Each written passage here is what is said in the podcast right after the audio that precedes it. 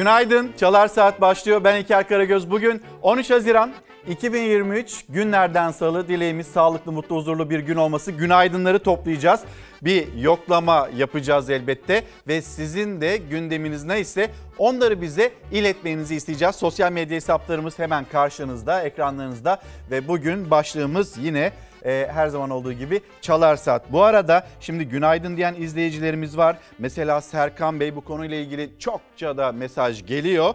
E, biz de hemen bir okuyalım, yetkililere duyuralım ya da duyarlar mı bilemiyoruz ama en azından bu mesajı paylaşmış olalım. Serkan Bey yakın bir zamanda ehliyetime el konuldu. Bu konuda benim gibi birçok mağdur var ve af istiyoruz diyor. E, günaydınları topluyoruz derken Mehmet Erdemli Niğde'den günaydın demiş. Sonra Coşkun Bey 8 Eylül 99 sonrası tüm SGK girişliler bir gün farkla 17 yıl geç, e, geç emekli edilecek. Bu yanlış düzeltilmeli ve söz verilmelidir.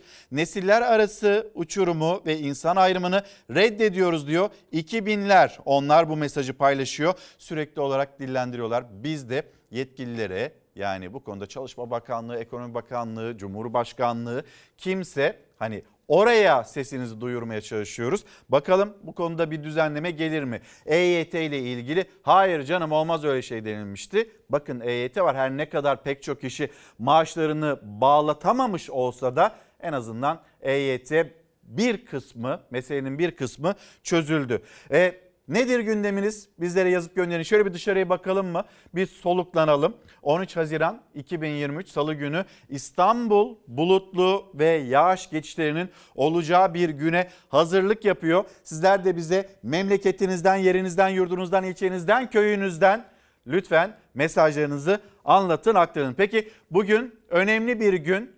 7 milyon kişiyi doğrudan e, ilgilendiren asgari ücret ama sadece 7 milyonla sınırlı değil. E, asgari ücrete yakın maaşları alanlar var. Onların da hayatını ve gelirlerini, maaşlarını etkileyecek asgari ücretle ilgili tespit komisyonu çalışmalarına bugün başlıyor.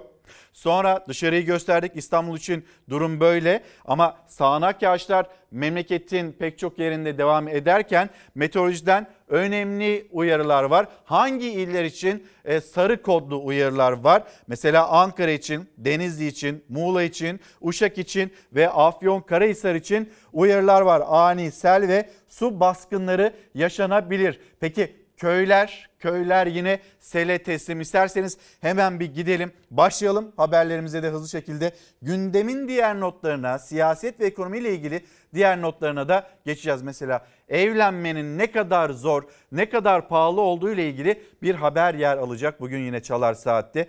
Geçen sene bir düğünün maliyeti işte beyaz eşyasıydı, dolabıydı, ne bileyim mobilyasıydı, salonuydu, yatak odası takımıydı, küçük ev aletleriydi. Ne kadardı şimdi acaba ne kadar evlenmek kolay mı? Hani iş bulmayı konuşacağız. Bir de iş buldunuz bir hayat kurmak istiyorsunuz, bir yuva kurmak istiyorsunuz.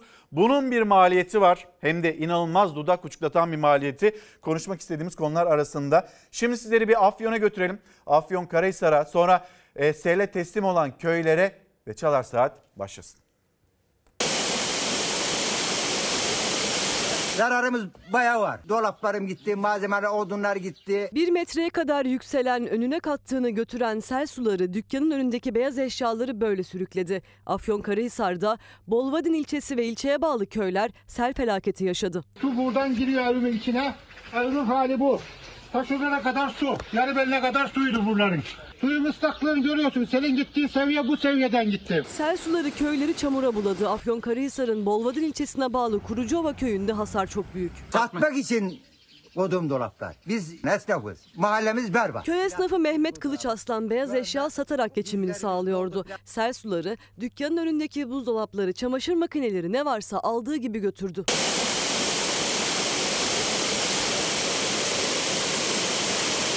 Yollar göle döndü. Evleri, iş yerlerini, ahırları, kümesleri su bastı. Şuradan girdi bak. Bunların böyle ıslandı bak. Kullanılmaz halde bak. Geçen sene de sel suları ile imtihan veren köye Menfes Köprü yapılacağını söyleyen köy halkı yapılmadığı için bir kez daha selle karşı karşıya olduklarını söyledi, isyan ettiler. Menfez köprü olacağı plastik büz kodura bak. Şu anda komple sel götürdü burayı. Sel suları çekildiğinde felaketin boyutu da gözler önüne serildi. Köyde hasar çok büyük.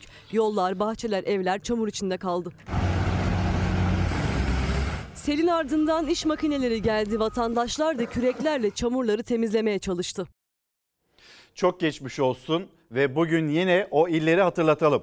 Ankara, Denizli, Muğla, Uşak, Afyonkarahisar bu iller için meteorolojiden uyarı var. Ankara güneşli bir sabaha uyandı diyor ee, Aysel Yavuz. Ama ilerleyen saatlerde yine yağış gelecek görünen bu. Ne ağzımın tadı var ağzımızın tadı yok diyen izleyicilerimizden birisi. Ne ağzımın tadı var ne canda huzur. Gönül nasıl derin bir kederde anlatamam demiş izleyicimiz. Emeklilikte yaşa takılanlar ve burada yaşanılan bir problem bir an önce 5000 gün ve kısmi emekliliğe de dikkat çekiyor. Olay şu. Üç kardeşin bir miras tarlası var. Devlet istimlak edecek. Arsayı üçe böldünüz. Devlet ilk kardeşe istimlak payını ödedi. Diğer ikisine bay bay dedi. Yani bizim emeklilikte yaşadığımız durum budur diyor aslında e, izleyicimiz. Sonra mutlu sabahlar Ali e, Çomak bizim gündemimiz pahalılık ne olacak ki başka diye bir mesaj. Gelelim gazetelere. Gazetelerin ilk sayfası, manşetleri, yazdıkları, yazmadıkları ama bizim hatırlatacaklarımız onları da konuşalım. 500 dolar sözü vardı bir ne oldu o diyor Cumhuriyet gazetesi. Milyonlarca emekçinin gözü asgari ücret tespit komisyonunda. Asgari ücret tespit komisyonu bugün Ankara'da toplanacak. AKP'nin seçim öncesinde 500 doları sınır olacak. Hani böyle bir sınır belirlenmişti. Vedat Bilgin o dönem Çalışma Bakanı kendisiydi. 500 dolar e, seviyelerinde bir rakam belirlenecek demişti. Ama işveren tarafı Türk lirası vurgusu yaptı o 500 dolar. Hani bugünkü karşılığı 11.500 liranın üzeri 12.000'e yakın böyle bir miktar olacak mı olmayacak mı? İşte zaman içinde göreceğiz. Bugün de görüşmeleri başlıyor. Yeni asgari ücretin bayrama kadar açıklanması bekleniyor. Böyle bir hedef de konuldu. TÜİK verilerine göre 15 ve daha yukarı yaştaki kişilerde işsiz sayısı 2023 yılı Nisan ayında bir önceki aya göre 74 bin kişi artarak 3 milyon 585 bin kişi oldu dün. Burada son dakika bilgisi olarak vermiştik. Diskar'ın hesaplamasına göre 9.1 milyon kişi geniş tanımlı işsizliği yaşıyor. İşsizlik haberi de var. Siz yeni güne nasıl başlıyorsunuz acaba? Ağzımızın tadı yok bu pahalılıklardan diyen izleyicilerimiz var. Acaba siz ne dersiniz? Yeni gün başlıyor, nasıl bir mücadeleyle başlıyor? Bize yazıp göndermek isterseniz. Sonra yine gazetelerden devam ederiz. Ee, Cumhuriyet Halk Partisi, Cumhuriyet Halk Partisi'nde değişim sancısı devam ediyor. Kılıçdaroğlu bugün Türkiye Büyük Millet Meclisi'nde Cumhuriyet Halk Partisi grubuna seslenecek. Sonra belediye başkanlarıyla yan yana gelecek ve bir değişim isteği var. Kimseyi kırmadan nazik bir şekilde acaba bu olmaz mı, başarılamaz mı? Belediye başkanlarının yaklaşımı bu şekilde. Ekrem İmamoğlu'nun değişim isteğini ve buradaki çağrısını, vurgusunu biliyorduk. CHP Grup Başkanı Özgür Özel ben de buradayım. O zaman ben de varım bu yarışta çıkışını yaptı. Onu konuşacağız. Evlenmenin maliyeti az önce de söz etmiştik 400 bin liralara ulaştı. Yani ne kadar böyle düğününüzden düğününüzde olmasını istediklerinizden vazgeçerseniz maliyet o kadar aşağı düşecektir elbette. Ama ortalama bir maliyet karşımızda 400 bin lira olarak duruyor. Ev sahipleri ve kiracılar arasında zam kavgası bitmiyor. Türkiye gazetesine bakalım mı Hilal? Türkiye gazetesinde yani bu durumu siz bir kiracı olarak yaşadınız mı? Bir ev sahibi olarak böyle bir meselenin içinde misiniz acaba? Onu da konuşalım isteriz.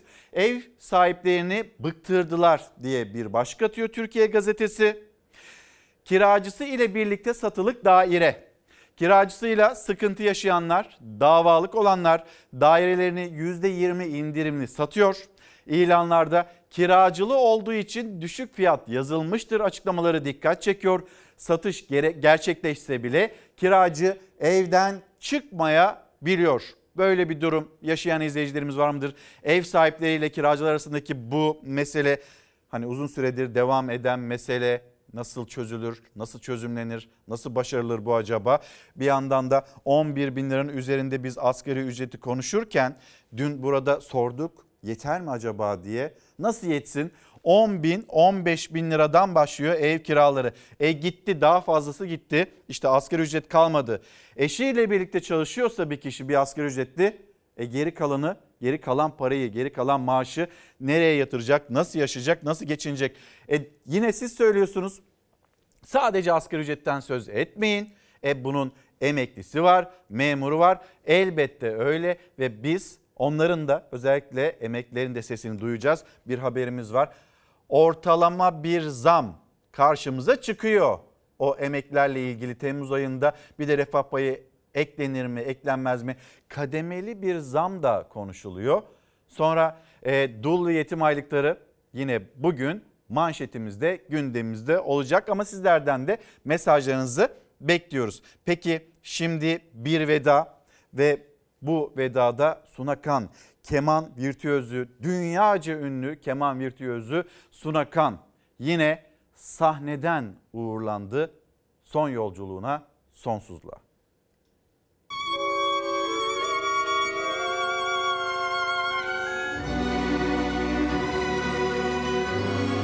Henüz 6 yaşındaydı kemanı eline aldığında 10 yaşında tüm dünyayı şaşırttı.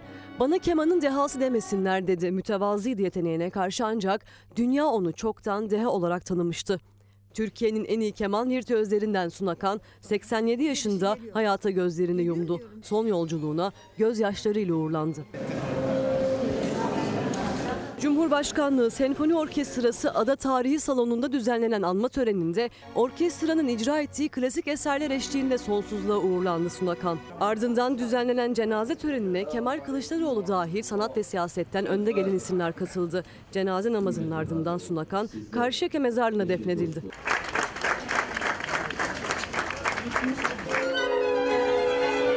Sunakan Türkiye'nin sayılı keman virtüözlerinden daha 10 yaşında uluslararası başarı kazandı. Babası Cumhurbaşkanlığı Senfoni Orkestrası viola sanatçısı Nuri Kan'dı. Nuri Kan kızını kemanla o henüz 6 yaşındayken tanıştırdı. Belki Nuri Kan da bilmiyordu kızı Suna Kan eline kemanı aldığında olacakları böyle bir yetenek karşısında kendisinden utku tutulmuştu.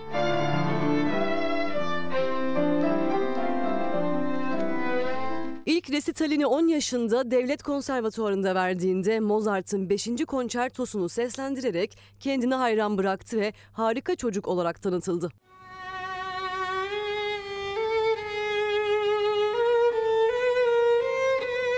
İsmet İnönü döneminde özel yetenekli çocukların yurt dışında eğitim almasının yolunu açan yasa çıkarıldığında Sunakan ve İdil Biret Paris'e gitti. Paris'te konservatuar bitiren Kan hem yurt içinde hem de yurt dışında sayısız ödül kucakladı. Bana genelde sorulan şey peki sizler çıktığınızda işte Edil Biret, Ayla Erduran, ben falan gerisi geliyor mu? Geliyor diyorum. 11 Haziran'da 87 yaşında dünya ünlü keman virtüözü Sunakan hayata gözlerini yumdu. Allah rahmet eylesin. Bu arada yine günaydınlarla devam edelim. Bugün bolca konuşalım istiyoruz. Yeni günde gündemi siz bize anlatın istiyoruz. Ee, Şükran Hanım günaydınlar selamlarımızı iletelim. Osman Seçer yine günaydın diyen izleyicilerimiz arasından İzmir Bayraklı'ya Gönül Hanım aracılığıyla bir günaydın diyelim. İzmir Alsancak yine Hülya Hanım. Bakalım Şimdi burada gelen mesajlar günaydınları topluyoruz ama bir yandan da sizin gündeminizde ne var onu da öğrenmek istiyoruz. Mesela e, bir izleyicimiz ben Sayın Bakan'ın dediğini yaptım. Ev sahibi tahliye taahhütnamesiyle 15 günde tahliye ettirdi evimi. Her söyledikleri lafın e, altı boş çıkıyor diye bir itiraz cümlesi var. Galiba bu izleyicimiz %25'ten fazla zam yapmayın hani yasal bir koruma altındasınız denildiği için %25'lik bir zam yaptı. Belki açmak isterseniz e, tekrar yazıp gönderin bizlere.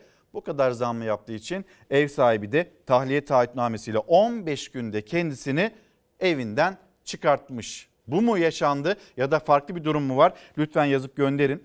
Çiğdem Hanım Adana günaydın diyelim. Her gün böyle pahalılık haberleri, bunlarla uyanmak, bunlarla mücadele etmek zor geliyor diyor Çiğdem Bulgay. Aslında Antalya'dan yoklamamızı verelim. Can Ertekin bunu söylüyor. Sizlerden de mesajlarınızı bekliyoruz. Hem Instagram'dan hem de Twitter'dan takip ediyoruz. Şimdi e, isterseniz bir de Hürriyet gazetesinin manşetine gidelim. Cumhuriyet gazetesini sonra tamamlayalım Hilal. Hürriyet gazetesine bir gelelim.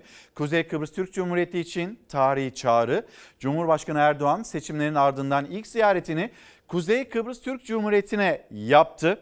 Erdoğan müzakere masasına geri dönülecekse bunun yolu Kuzey Kıbrıs Türk Cumhuriyeti'nin tanınmasından geçiyor dedi. Cumhurbaşkanı Erdoğan temaslarının ardından Kuzey Kıbrıs Türk Cumhuriyeti Cumhurbaşkanı Ersin Tatar ile ortak basın toplantısı düzenledi. Adadan dünyaya çağrı yaptı. Kıbrıs Türk'ü asla azınlık olmamıştır, olmayacaktır. Kimsenin bir 50 sene daha kaybetmeye tahammülü yoktur. Müzakere masasına geri dönülecekse bunun yolu Kuzey Kıbrıs Türk Cumhuriyeti'nin tanınmasından geçmektedir. Erdoğan başka hangi mesajları verdi? İsterseniz bir de hazırladığımız haberden devamını getirelim.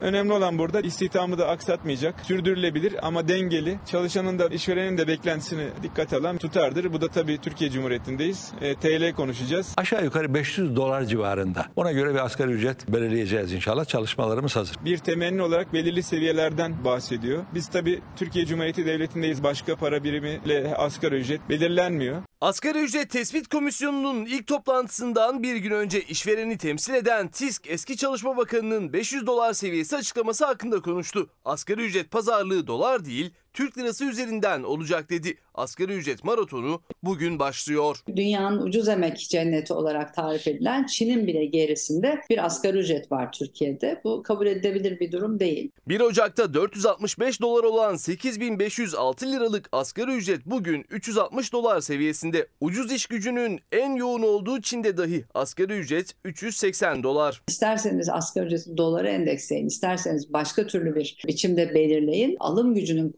korunabilmesi için enflasyonun düşürülmesi, temel politikaların değişmesi. Burada bir iyi niyet var. Enflasyon düşüş trendinde. Buna rağmen biz de Türk işverenleri olarak ara dönem artış yapılmasında mutabıkız. Bugün işçi, işveren ve bakanlık Temmuz ayı zam oranı için ilk kez masaya oturacak. Öncesinde işveren adına masada olacak TİSK Başkanı, yeni Çalışma Bakanı Vedat Işıkhan'ı ziyaret etti. Asgari ücret için bir rakam konuşulmadığını söyledi ama ara zammı bir iyi niyet göstergesi olarak yorumladı. Biz tek gemideyiz. Bir tane ülke var. Bir tane çalışma hayatı var. 4 kişilik bir ailenin sadece gıda harcaması olan açlık sınırının 10 bin liranın üzerine çıktığı, yoksulluk sınırının 33 bin liranın üzerine çıktığı, gıda enflasyonunun %90'lar düzeyinde olduğu durumda rakam hesaplanabilir. Bir evde en azından iki kişi çalıştığı zaman o eve bir yoksulluk sınırı kadar gelir girebilmelidir. 6 aylık enflasyon farkı artı refah payı üzerinde bir zam bekleniyor. %25 zamla 10.632. %30 zam yapılırsa 11.057 liraya yükselecek. Eski Çalışma Bakanı Vedat Bilgin'in 500 dolar seviyesi açıklaması için en az %40 zam gerekiyor. %40 zam asgari ücretin 11.910 TL'ye yükselmesi demek. Her gece neredeyse akaryakıta zam geliyor. Başta gıda fiyatları olmak üzere her şeyin fiyatını etkiliyor. Bu düzeyde yapılacak bir artış bir bilemediniz iki ay kadar kısmen bir e, ferahlama yaratabilir ama ondan sonra milyonlarca işçi ve ailesi yoksullukla, açlıkla yüz yüze olacaktır. İşverenlerin üzerinde bir yük var. Bu yükü azaltmak için devletin böyle bir desteği artırarak vermesinin önemli olduğunu düşünüyorum.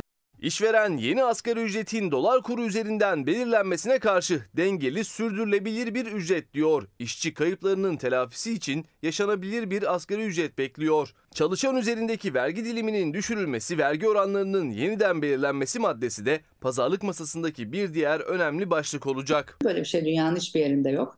Yani dünyada hiçbir ülke yok ki işçisiyle patronu aynı oranda vergi versin. Çalışanların da daha fazla refah e, seviyesini artıracak. Gelir vergisi hem dilimlerinde hem oranlarında güncellemeler yapılabilir. Biz TİSK olarak altına imzamızı atmaya devam edeceğiz.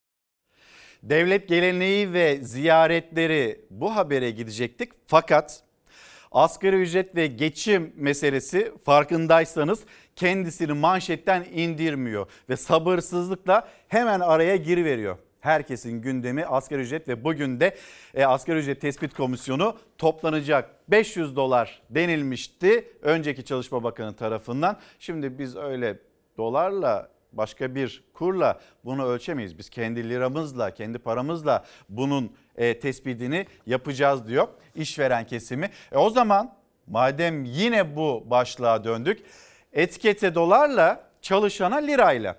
İşveren temsilcisi Özgür Burak Akkol asgari ücrette 500 dolar seviyesi için Türkiye'de Türk lirası konuşacağız. Ücretleri başka para birimleri belirlemiyor dedi.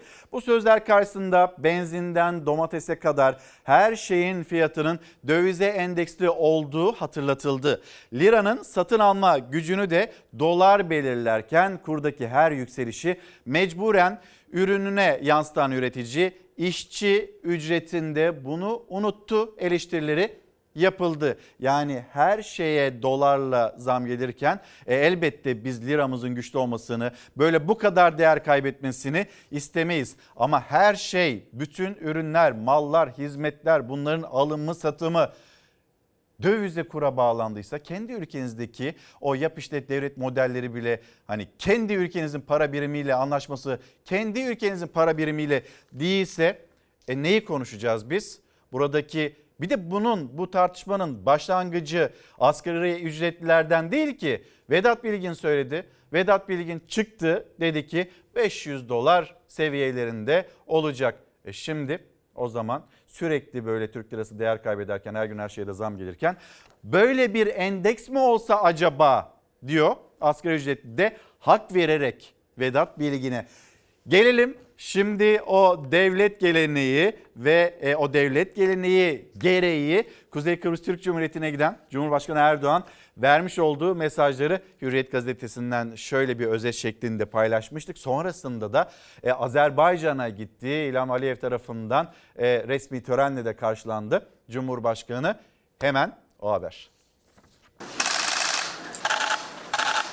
Devlet geleneği bozulmadı. Yeniden Cumhurbaşkanı seçilen Erdoğan ilk yurt dışı gezisini KKTC'ye yaptı. Hemen ardından Azerbaycan'a gitti. Lefkoşa'da yaptığı konuşmada hem Güney Kıbrıs'a silah ambargosunu kaldıran Amerika Birleşik Devletleri'ne hem de vakit kaybetmeden silahlanmaya başlayan Rum yönetimine mesaj verdi. Garantör ülke olarak her zaman diyaloğa öncelik verdik. Adada ve bölgedeki dengelerin hilafına anlamsız silahlanma faaliyetlerine girişenler bu teşebbüslerin getireceği riskleri iyice hesaplamalıdır. Cumhurbaşkanı Erdoğan dün öğle saatlerinde gitti adaya. Heyette Dışişleri Bakanı Hakan Fidan, Savunma Bakanı Yaşar Güler'le birlikte 4 bakan ve MİT Başkanı Kalın da vardı. Erdoğan'ı Kuzey Kıbrıs Türk Cumhuriyeti Cumhurbaşkanı Ersin Tatar ve Başbakan Ünal Üstel karşıladı. Cumhurbaşkanı Erdoğan ziyaretine Atatürk anıtına çelenk bırakarak başladı. Daha sonra Cumhurbaşkanlığı sarayına geçti. Ersin Tatar'la görüştü.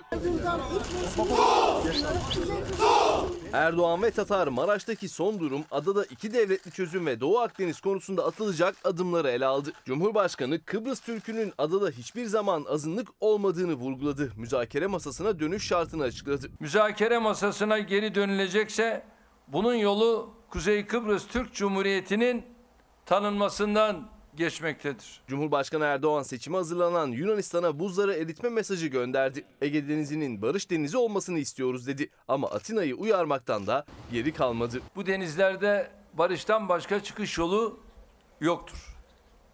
Ve barışı eğer engellemek isteyenler olursa o zaman farklı proje uygulamasına geçmek zorunda kalırız. Erdoğan Lefkoşa'dan Azerbaycan'a geçti akşam saatlerinde. Akşam yemeğinde Gülistan Sarayı'nda Azerbaycan Cumhurbaşkanı Aliyev'le bir araya geldi.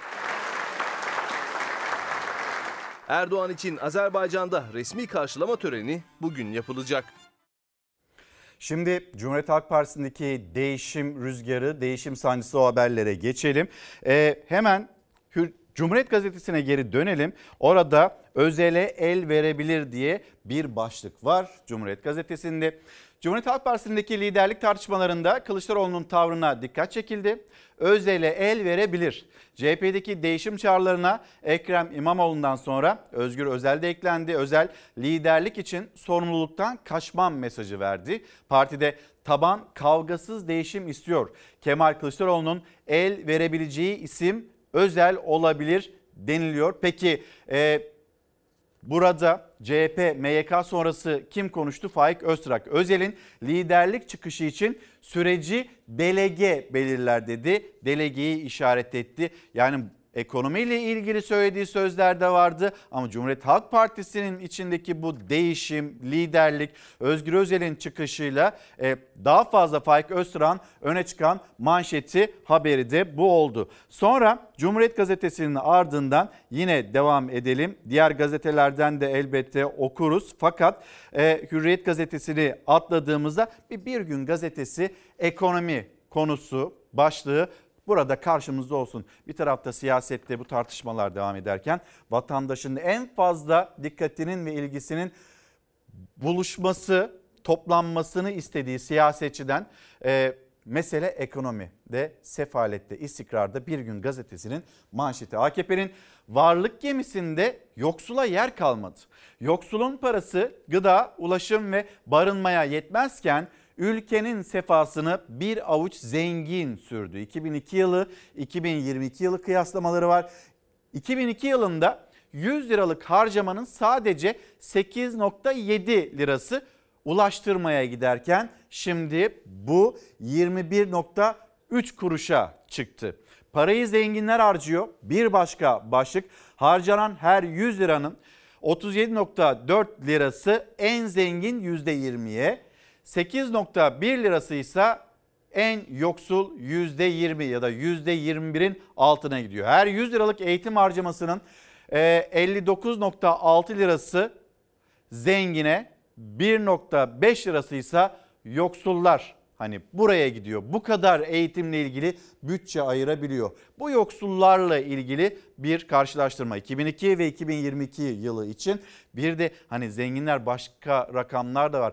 Bir de belki de siz anlatırsınız. Hani rakamların söylediğinin aksine eğitimle ilgili çocuklarınıza harçlık verebiliyor musunuz, veremiyor musunuz? Hani burada hayatın içinden örneklerle bizlere yazıp gönderirseniz Çalar Saat etiketi altında yazarsanız bir de sosyal medya hesaplarımız onlar da gelsin ekranlarınıza e konuşalım. En fazla konuşmamız gereken konu bu. Ee, ama hani siyasetin de özellikle ana muhalefetin de gündeminde olan konuyu ıskalamayalım. Cumhuriyet Halk Partisi'ndeki değişim isteği, Özgür Özel'in değişim çağrısı, sonra hani burada kimseyi kırmadan genel başkanı da kırmadan nazik bir şekilde belki onursal başkanlık da teklif edilerek Kılıçdaroğlu acaba görevinden ayrılır mı, ayrılmaz mı? Bu da bir soru olsun sizlere ve bakalım CHP'de neler oluyor. Değişim şarttır. Menzile yürüme hususunda net olarak kararlıyım. Sorumluluk almaktan kaçmayacağım. Bu noktada olmam gereken yer neresiyse orada olacağım. Genel başkan adaylıysa genel başkan adaylığı. Cumhuriyet Halk Partisi'nde değişimin nasıl gerçekleşeceği bellidir. Yani bu partinin 100 yıllık geçmişine, güçlü kurumsal yapısına ve meri mevzuata göre bu süreç gerçekleşir. Seçim yenilgisinin ardından CHP'de değişim talepleri artık en üst perdeden dile getiriliyor. İlk çıkışı Ekrem İmamoğlu genel başkanlığı adaylık sinyali de vererek yaptı. İkinci dikkat çeken çıkışsa CHP Grup Başkanı Özgür Özel'den geldi.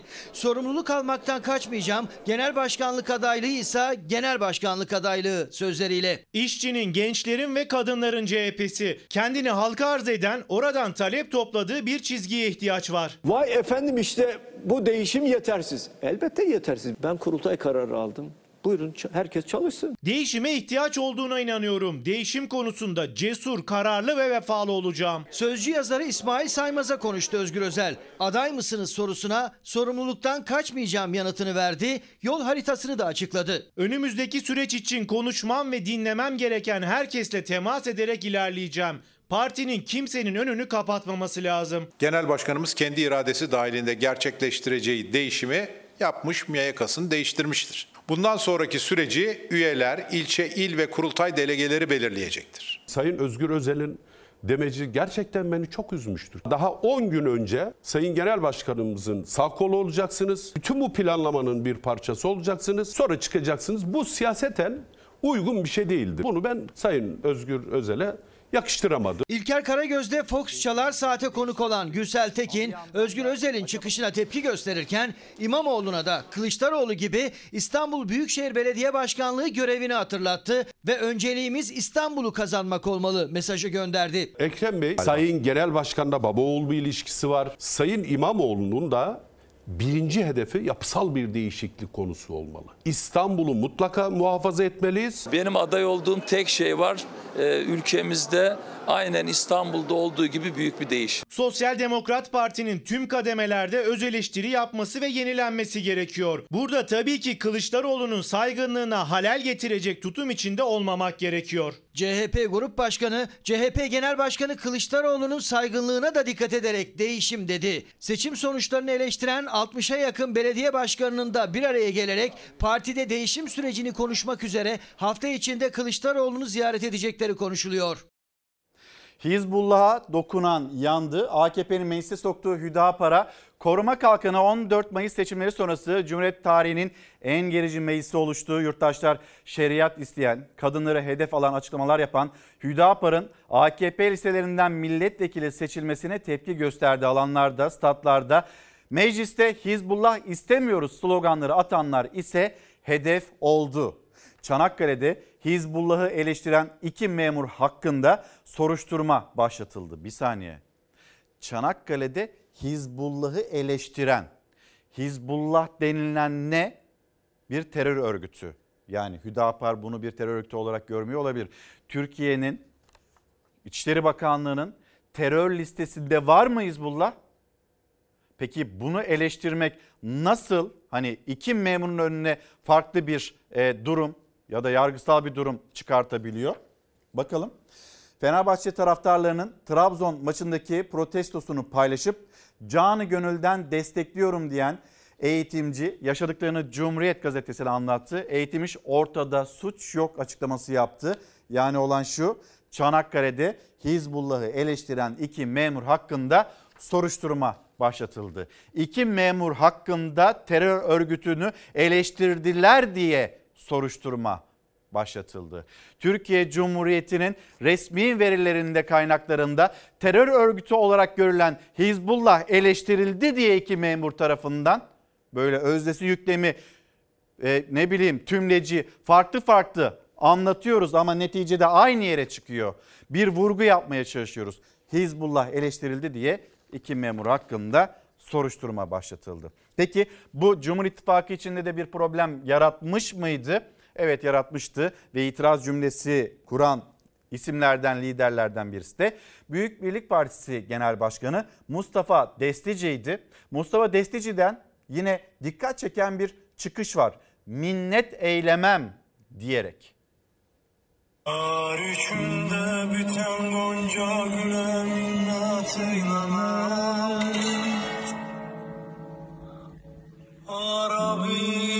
Farsi bilmem dine minnet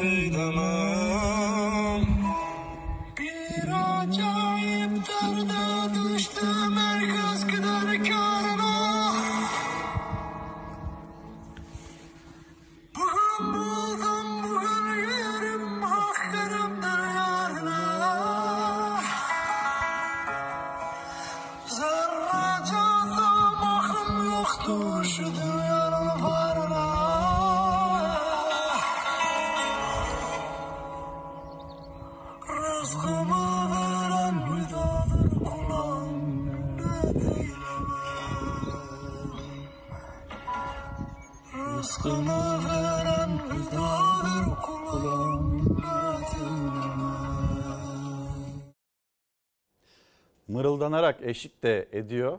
Mustafa Destici yorgun görünüyor. Şöyle gözü uzaklarda böyle ovaya doğru bakıyor.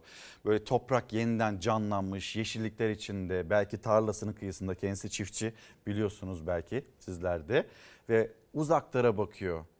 Biliyorsunuz yine kendi partisiyle bu seçim yarışına girmişti. Seçilemeyen Türkiye Büyük Millet Meclisi'nde yer alamayan liderlerden birisi de Mustafa Destici. Acaba burada mesajı kime? E, Cumhuriyet Gazetesi'nden okuduk. Cumhuriyet tarihinin en gerici e, meclisi oluştu 14 Mayıs'ta. Bu yorum Pek çok o günlerde de yapıldı. Yine gazetelerde de yer alıyor. Peki özellikle kadın hakları üzerinden ciddi eleştiriler var Yeniden Refah Partisi'ne. Ee, ve buradaki yaklaşımlar Hüdapara'da gidiyor. Hüdapara'da ciddi eleştiriler var. 6284 sayılı kadını şiddetten koruyan yasayla ilgili bir düzenleme mi yapsak? Hiç olmasa mı acaba gibi yaklaşımlar da sergilenirken bakın bir haber Karar Gazetesi'nde ve Karar Gazetesi'nde ya bir kadın kendisini korumak için, hayatta kalmak için, yaşamak için barikat kurar mı? İşte onu kurdu. Ben bir ölü adayıyım. Geçen yıl 400 kadının katledildiği Türkiye'de vahşetin önüne geçilemiyor. Bıçakla yaralanan ve evinin önüne barikat kuran Dilek Acu kapımda bıçak bileyip seni keseceğim diyor. Yaşama hakkımı kullanmak istiyorum. Bir kadının dehşete düşüren yaşam çığlığı, evinin önüne kurduğu barikat, yaşama isteği, arzusu, sesini duyurma çabası ve sözleri. Ben bir ölü adayıyım. Aç kapıyı, aç kapıyı. Tek, tek, tek. Benim o telefonla çek tamam mı? Evet. Tamam, ayağımı kırdın, kavun patlattın, beni bıçaklattın tamam mı? Çek. Evime rahat girip çıkmak istiyorum. Ben belki bu vereceğim son, son röportajım.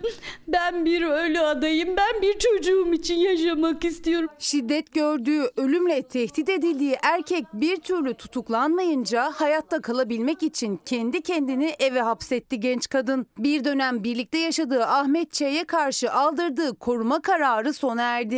Evinin kapısına beton barikat kurdu, etrafını demir parmaklıklarla çevirdi. Kapımı siz şimdi zaten görüyorsunuz. Ben hapishane kapısı gibi yaptım kendimi korumak için. Şikayet ediyorum. Polis geliyor. ifadesini alıyorlar. Ondan sonradan da götürüyorlar. İfadeden sonra bırakıyorlar. Ben yediğim dayakla evime basılmasıyla çocuğumun psikolojisinin bozulmasıyla kalıyorum.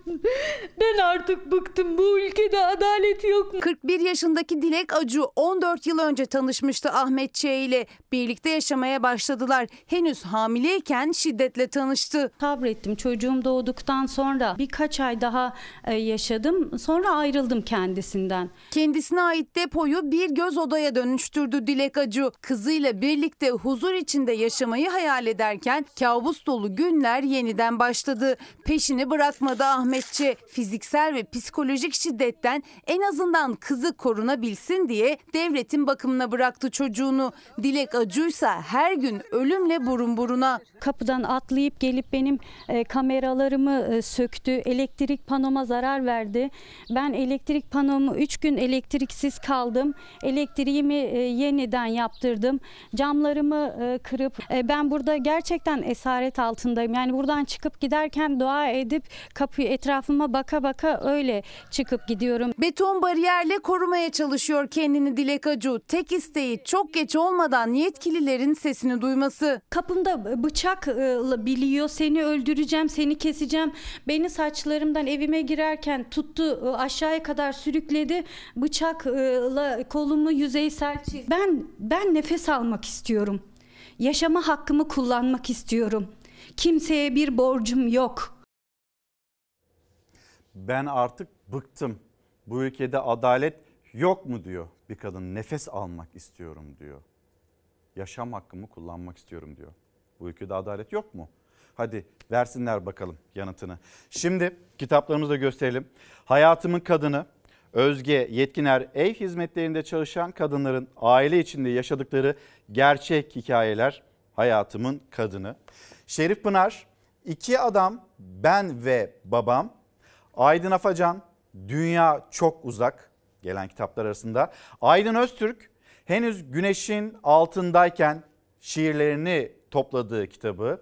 Prenses Ayda ve e, Oduncu Noah, Büyülü Şato, Rifat Bayraç'ın kitabı resimleyen de e, Ramila Aliyeva Gençoğlu. Temaslı Sözlük, UMAK tarafından gönderilmiş bir kitap, bir çalışma daha doğrusu Uğur Mumcu Araştırmacı Gazetecilik Vakfı tarafından. Sistem çıldırmış, düzeltmek istiyorsan her yerde mutlaka barış. Güneş sistemi Orhan Hadra'nın bizlere ulaştırdığı kitap. Mutluluk oyunu Volkan Karakoç bir kitapta Çam Ağacının Gölgesinde Handan Kılıç. Diğer kitaplarımızda gösteririz birazdan. Daha doğrusu reklamların ardından bir mola verelim. Döndüğümüzde hem konuşalım hem de daha paylaşacağımız haberlerimiz var. Emeklilerimiz, emeklilerle ilgili bir kademeli zamdan söz ediliyor. O kademeli zam yapılırsa ne kadar hani kendi maaşınıza göre ne kadar zam yapılacak? Gözünüz kulağınız biliyoruz Türkiye Büyük Millet Meclisi'nde biz de bunun haberini hazırladık. Aynı zamanda asgari ücretle ilgili Türk İş'ten bir açıklama var. Türk İş Başkanı Ergün Atalay'dan ne söyledi? Bugün gözler asgari ücret tespit komisyonunda olacak. Bir mola verip hemen dönüşte buluşalım. Günaydın bir kez daha. Devam ediyoruz Çalar Saat'te. Sizlerden gelen mesajlara baktık reklam arasında. Ercan 17. Ercan Bey günaydın. Anne ocağından Çanakkale Çan'dan yazıyor ve diyor ki e, bizim gündemimiz belli. Biz 2000'leriz dolayısıyla yani 99 öncesinde emekli işte çalışma hayatına başlayanlar onlar emekliliği aldı. E 2000'ler sonrası onlar ne olacak? Bizim gündemimiz bu diyor. Çıraklık ve staj konusunda mağduriyet yaşayanlar var. Onlar kendilerini hatırlatıyorlar. Nafaka konusunda e, mağduriyet yaşıyoruz. Süresiz nafaka mağdurları olarak bizim de sesimizi duyun demiş Yusuf Özde gönderdiği mesajda. Bakalım SGK numarası var. İşveren var, sözleşme var, maaş var, SGK kartı var, fiili çalışma var, prim var, e, iş kazası var. E-Devlet'te işe giriş tarihi var. SGK'nız başladı dediler. Kart da verdiler. Geçersizmiş. Bu nasıl oluyor? Biz burada adalet istiyoruz diyor. Çıraklık sigortası emeklilikte sayılsın diyen arkadaşlarımız da.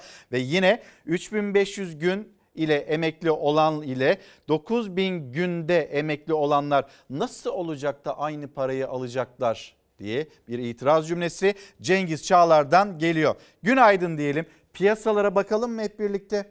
E, dolar yeni günde bir rekor daha kırmış mıdır? Evet yeni günde bir rekor daha var karşımızda.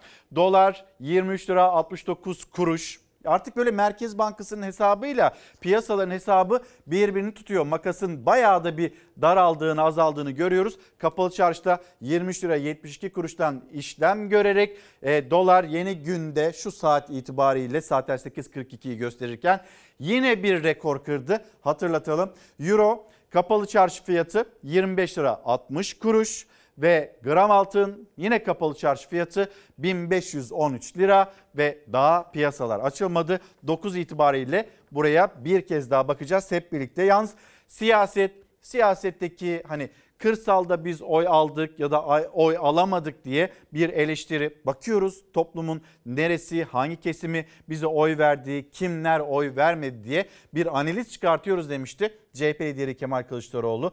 Burada ki sözleri üzerinden de Cumhurbaşkanı Erdoğan Kılıçdaroğlu'nu hedefine koydu. Başkaca değerlendirmeler de var. Yeni yeni açıklamalar izleyelim.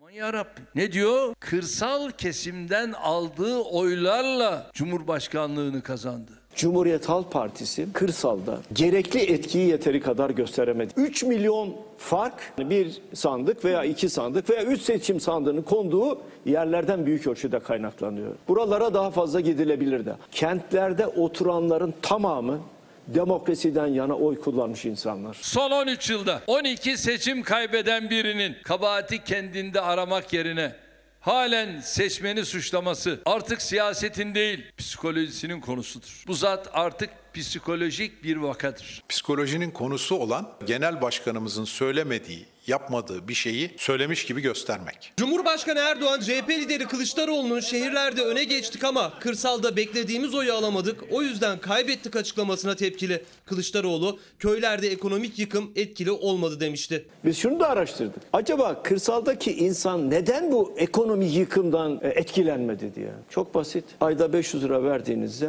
Zaten harcayacak yer yok. Köyde nereye harcayacak parayı? Ekonomik yıkımdan etkilenmiyor o. Sandıktan çıkan iradeye saygı duymak yerine hala vatandaşa 500 liraya oylarını satıyorlar imasında bulunmak siyasi tükenmişliğin daniskasıdır. Genel Başkanımız bu bölgelerde alınan oyların daha düşük olmasını buralarda yeterli çalışma yapmamamıza bağladı. Hiçbir zaman vatandaşımızı suçlamadı. Kendimizi eleştirdi. Erdoğan'a yanıt CHP sözcüsü Faik Öztrak'tan geldi. Hakaret yok, öz eleştiri var diyerek. CHP bu şekilde siyaset yaptığı sürece bu ülkede iktidar yüzü göremez. Sosyolojik olarak kenti dediğimiz kitle %51 oranda Kılıçdaroğlu demiş. CHP kendini düzeltmediği, değiştirmediği, milletin sesine kulak vermediği müddetçe bir daha asla yönetime gelemez. İşini yapacağına seçimde attığı iftiralardan hiç utanmadığı görülüyor. Tüm bu şartlar altında tazelenen kadrolarımızla mahalli idareler seçimini açık ara kazanmayı hedefliyoruz. Kırsal oyları seçimin ardından Erdoğan'la CHP arasındaki ilk polemik konusu oldu. Çıraklık konusunda bir kanun teklifi var ve Cumhuriyet Halk Parti Milletvekili İlhami Özcan Aygün'ün e, vermiş olduğu bir teklif.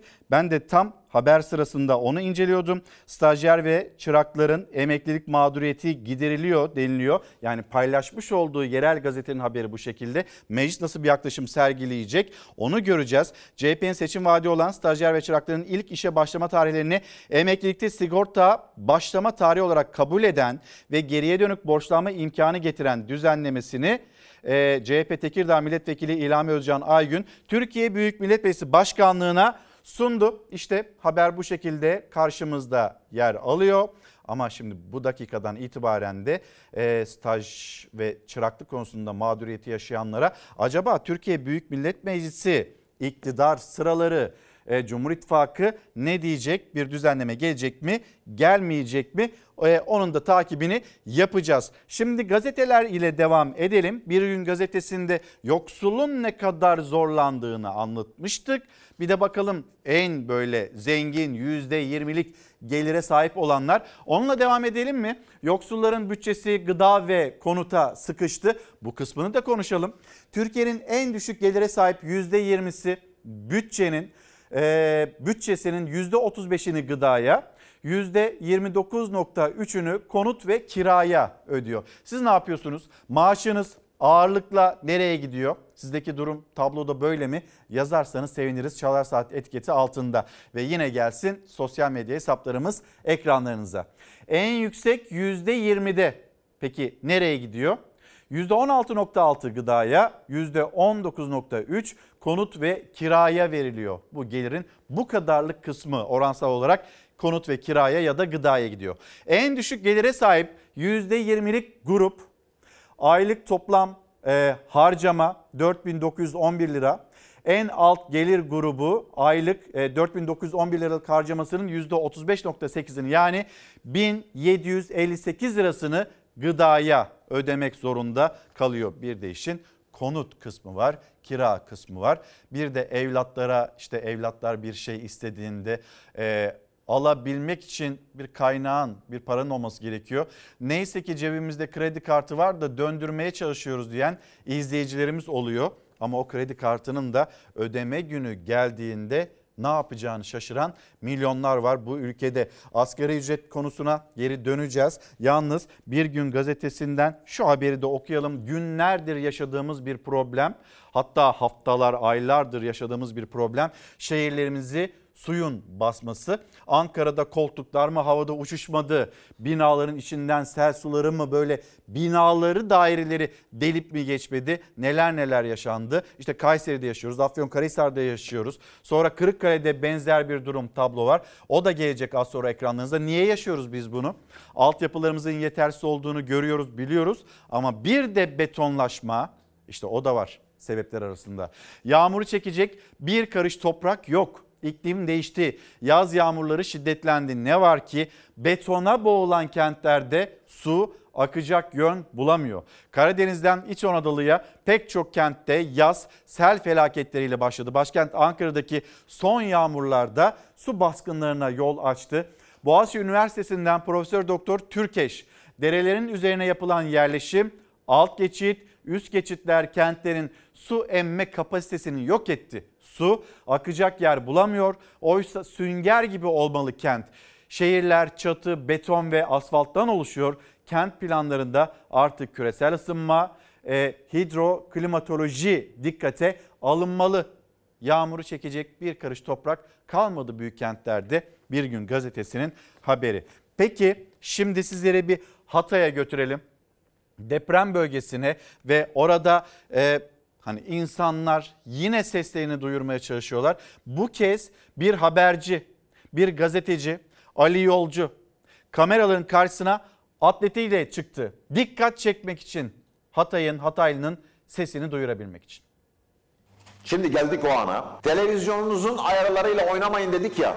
Televizyonunuzun ayarlarıyla oynamayın. Hemen şimdi bir protesto yapacağız. Ama bu protestodaki amacımız insanları eleştirmek, yetkilileri eleştirmek, kınamak falan değil. Sadece Hatay'ımızın sesini daha da uzak diyarlara duyurmak. Ne yapalım? Bunu yapmak zorunda kalacağız. Bakın, önce mikrofonu çıkarıyorum. Tamam mı? Çıkarıyorum. Bunu Hatay adına yapıyoruz. Sonra ceketi de çıkaracağız. Belki sesimizi duyarlar böylece. Çünkü duymadılar. Depremden bu yana defalarca bağırdık çağırdık. Arapça söyledik, Türkçe söyledik, Kürtçe söyledik. Anlamadılar bizi. Anlamadılar. Hatay için bir şey yapmak istemediler. istemiyorlar. Ben de böyle yapacağım. Niye bunu yaptık biliyor musunuz? Niye bunları çıkarttım? Bunları çıkarttım çünkü Hatay'ın sesi duyulsun istiyorum. Sosyal medyada yayılsın bu video istiyorum. Ee, hükümet bizi duysun, muhalefet bizi duysun, diğer yetkililer bizi duysun. Biz sahipsiziz, biz yetimiz, biz öksüzüz. Bizim sesimiz, çığlığımız duyulmadı depremden sonra. Bir yandan usulüne uygun olarak kaldırılmayan o moloz, asbest içerikli moloz.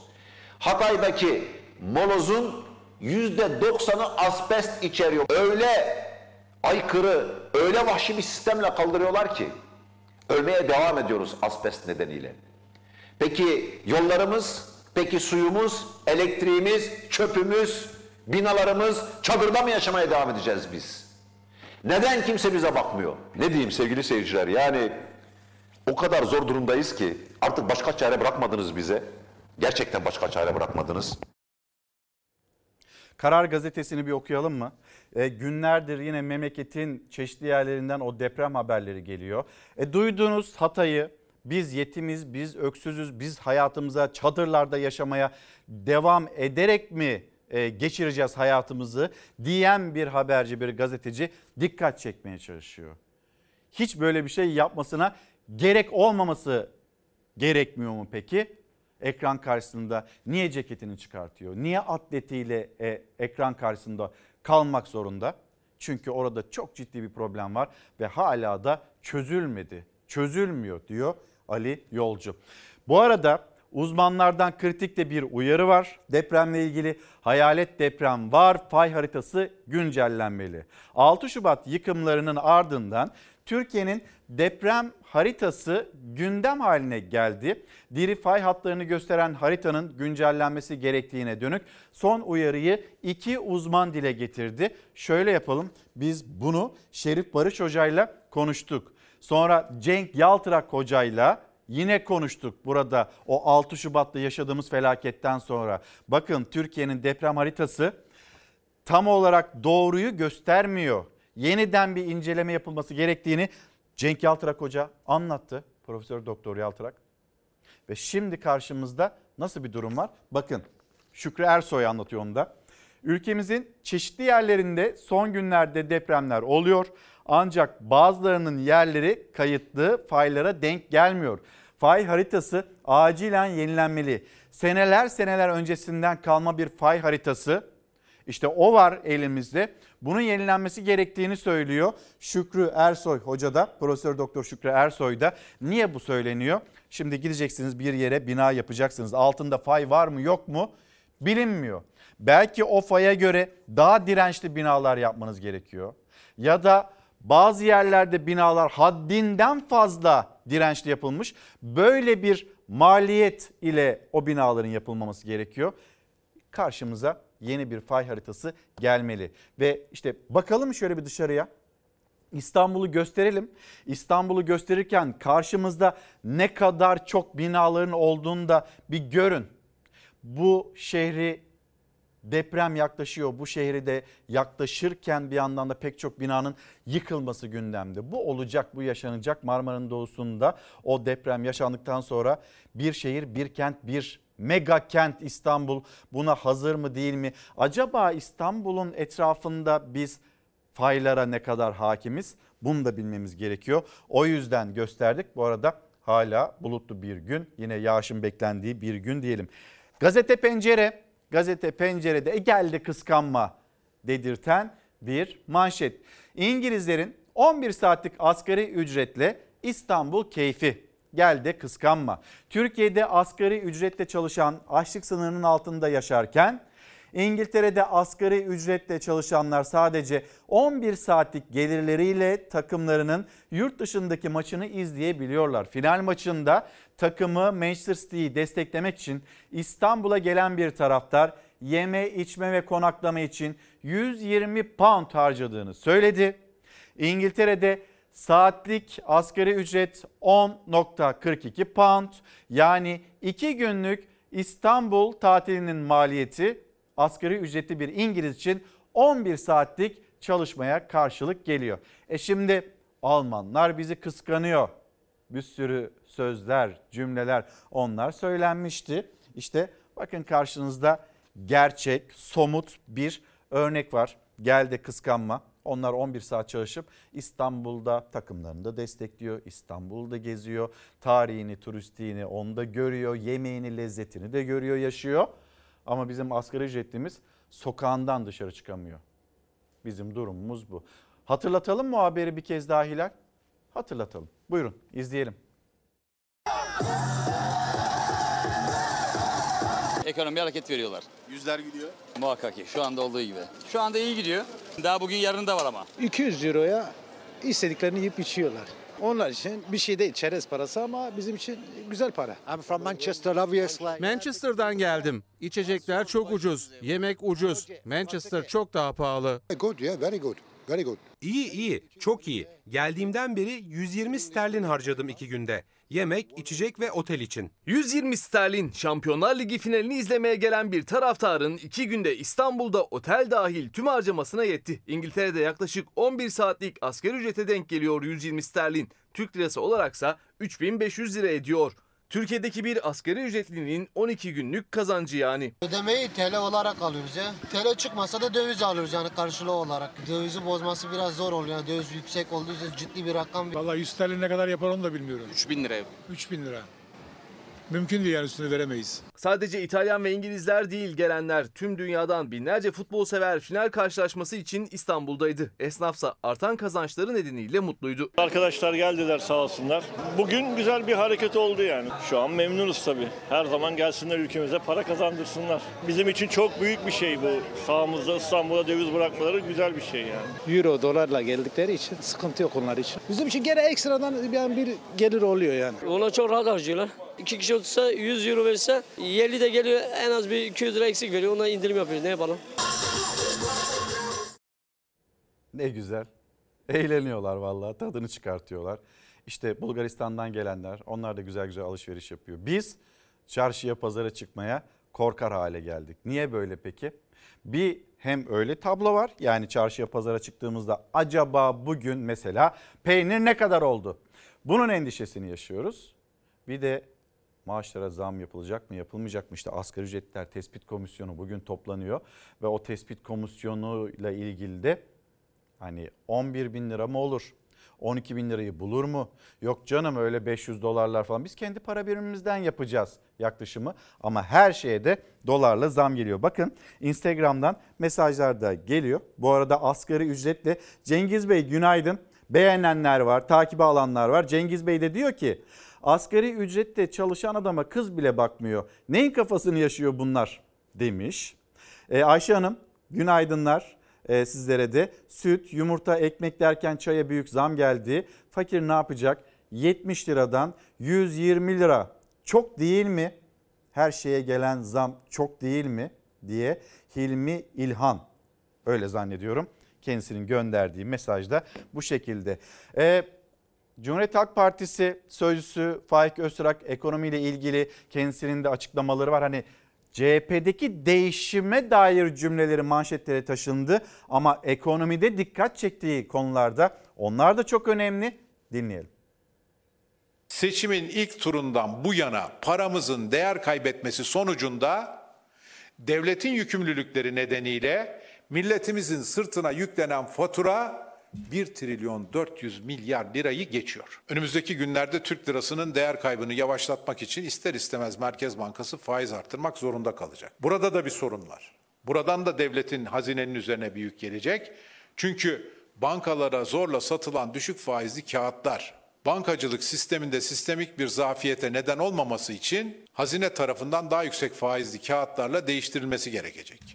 Söylediğim gibi buradan da ciddi bir maliyet milletimizin sırtına binecek. Döviz kurlarındaki son bir aylık artışın milletimizin sırtına yüklediği bu faturayla 3 tane Osman Gazi Köprüsü dahil İstanbul-İzmir otoyolu, üstüne 3 tane Atatürk Barajı, üstüne 3 tane Avrasya Tüneli, onun da üstüne 3 tane Fatih Sultan Mehmet, 3 tane de Yavuz Sultan Selim Köprüsü yapılırdı. Bütün bunları yaptıktan sonra da elimizde 4 milyar dolar para kalırdı. İşte faiz sebep enflasyon sonuç, Türkiye ekonomi modeli, liralaşma safsatalarıyla ekonomiyi harap eden, ekonomiyi bilmez, bilimden anlamaz kibir abidesinin verdiği zararın boyutu bu. Saat başındayız ve bir uyarı hatırlatalım. Ankara, Denizli, Muğla, Uşak ve Afyonkarahisar için meteorolojiden gelen uyarı ani sel ve su baskınları yaşanabilir. Lütfen dikkat edin şeklinde. Bu arada Samsun'da eğitime ara verildi. 3 ilçede yaşanan yoğuş, e, yoğun yağış nedeniyle Atakum, Canik ve İlk Adım bu ilçelerde eğitime ara verildi. Bir kez daha söyleyelim hangi ilçeler? İlk adım Atakum, Canik ilçeleri Samsun'da eğitime ara verildi ve şimdi sizleri götüreceğimiz yer Kırıkkale. Kırıkkale'de de benzer bir durum var.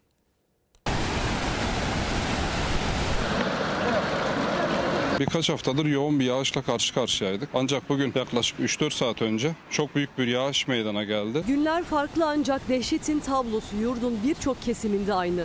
Günlerdir sağanak yağışların adresi Kırıkkale'de sel felaketi yaşadı. Can kaybolmaması teselli oldu. Derelerden gelen sular birleşip derelere doldurduğunda dereler bunu taşıyamadı. Taşkınlar oldu. Burada şükürler olsun ki can kaybımız yok. Su basan mandıralar, evler, bahçeler. Buradan bir hasarımız var, maddi hasarımız var. Kırıkkale'nin Delice ilçesinde dereler taştı. Sel suları yolları, evleri, ahırları su altında bıraktı. Yıllardır Delice ilçesinde yaşayanlar böyle bir yağışla ilk kez karşılaştıklarını dile getirdi. Sahadan aldığımız, duyduğumuz izlenimlere göre yani yaşı ileri olanlar bile böyle bir yağış görmediğini, nereden geldiklerini bilmediğini söylüyorlar. Delice'ye bağlı Çerikli beldesi selden en çok etkilenen yer oldu. Delice Kaymakamı Burak Akgöz, AFAD İl Müdürü Abdullah Sarıçiçek ve Çerikli Belediye Başkanı Nuh Şahin'le afet bölgesindeydi. Kaymakam Akgöz, beldedeki hasarla ilgili bilgi verdi. Şu an Çelikli beldemizdeyiz. Arkamızda görmüş olduğunuz da evde sel suları nedeniyle bir çökme meydana geldi. Allah'tan içerisinde kimse yoktu o sıralar. Çerikli'de 20'ye yakın ahır, 50'ye yakın ev hasar gördü. Dere kenarlarında yapılan genişletme çalışmalarıyla tablonun daha da ağırlaşması engellenmiş oldu. Temizlik çalışmaları sürüyor ancak yağışlar bugün ve yarın da sürecek. Tedbirli olmak gerekiyor. Şimdi bir milli gazete diyelim. Bugünün manşeti asgari ücret tespit komisyonunun toplanması ve asgari ücret acaba ne kadar olacak? Milyonların gözü bu toplantıda. Hatta o salonun fotoğrafı da yer alıyor. Ekonomik krizin derinleşmesiyle birlikte alım gücü günden güne düşen 7 milyondan fazla asgari ücretli Temmuz ayında yapılacak olan ara zammı beklemeye başladı. Temmuz için açıklanacak olan ara zammın e, belirlenmesi için oluşturulan Asgari Ücret Tespit Komisyonu ilk toplantısını Çalışma ve Sosyal Güvenlik Bakanlığı ev sahipliğinde bugün gerçekleştirecek ve buradaki kararın da artık bayramdan önce duyurulması bekleniyor. Böyle bir beklenti. Peki hep asgari ücret deniyor. Hep bu konuşuluyor.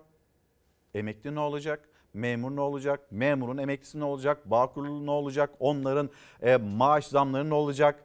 Bununla ilgili emeklinin gözü mesela Türkiye Büyük Millet Meclisi'nde bayramın hemen ardından emekliler için Türkiye Büyük Millet Meclisi'nde bir zam mesaisi olacak. Peki konuşulan oranlar nedir diye merak ediyorsanız buyurun haberimizde. Yeter mi emekli maaşı hanımefendi? Yeter mi? Yetmez. Dolar olmuş 23 lira mı olmuş öyle bir şey. Geçecek bir durum kalmadı. 87'de emekli oldum. 7,5 lira maaş alıyorum. Emekli kademeli zammı bekliyor. Kurban Bayramı'ndan sonra meclise gelmesi beklenen yasa teklifiyle refah payı kaybının önüne geçilmesi hedefleniyor. Vallahi ben bir bakkala çıkıyorum, giriyorum 300 lira harcıyorum. Eşim de emekli, ben de emekliyim ama yeterli bir para kazan kalmıyor. Eşim, kızım sağ olsun o yardımcı oluyor. Peki dolardaki artış böyle fiyatları etkiliyor mu? Saçlarım ürperdi. Söyleyecek kelime bulamıyorum. Milyonlar asgari ücretin ne kadar olacağına kilitlenirken geçinemiyoruz tepkisindeki emeklinin artık gözü mecliste maaşlara ödenen prim miktarına göre zam yapılması formülü üzerinde duruluyor. Yetmiyor. Daha zor. Bir pazar 600 lira. Eskiden bu kadar gidiyor muydu? Ne olacak bu insanlar? Taksi parası var 150 lira. Konuşmak çok kolay da hiçbir şey meydanda yok. Bu durumda emeklinin zam oranı ne olacak? 7500 lirayla 10 bin lira arasında maaş alanlara %45, 10 bin lirayla 15 bin lira arasına %40, 15 bin lirayla 20 bin arasına %35 ve 20 binin üzerindekilere %30 zam formülü tartışılıyor. Asgari ücretten sonra Temmuz ayında en düşük emekli maaşının yükseltilmesi de beklenirken TÜİK'in Mayıs ayı enflasyon rakamlarını açıklamasıyla emekli ve memurun 5 aylık zam oranı belli oldu. Emekli maaşı kime yetiyor? Bana bir parmakla göstersene. Alım gücü ya pazara çıkan anlıyor. Ben eskiden 150 lirayla pazar çıkardım. Anda 700-800 lira yetmiyor. SGK ve Bağkur emeklileri %15,26, memur ve memur emeklileri ise %13,13'lük zammı garantiledi. Yeni zamlı maaşlar 5 Temmuz'da açıklanacak. Haziran ayı enflasyonuyla netleşecek. Çalışırsak çalıştığımız zaman da sıkıntı olmuyor. Yani çalışıyoruz. Emekli olduğunuz halde çalışıyor musunuz? Çalışıyoruz evet. Emekli maaşıyla yetinemeyiz tabii ki. Emekli olduğunuz halde çalışıyor musunuz?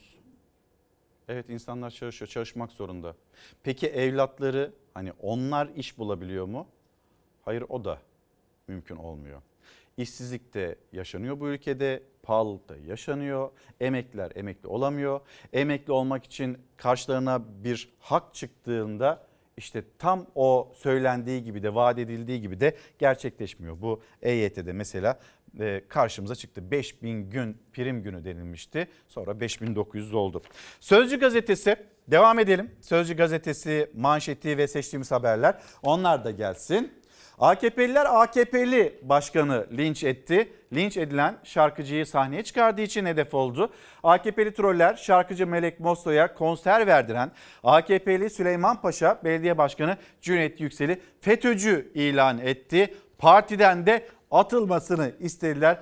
Yeter çok yorulduk, çok sıkıldık, seçim döneminde çok uzaklaştık birbirimizden dedi Cüneyt Yüksel ve Melek Mosso. O da e, ilçesinde sahneye çıktı. Hem kucaklaştılar hem bir helallik cümlesi duyuldu Melek Mosso'dan. Kendisinin cümleleri nedeniyle yanlış anlaşıldığını da söyledi.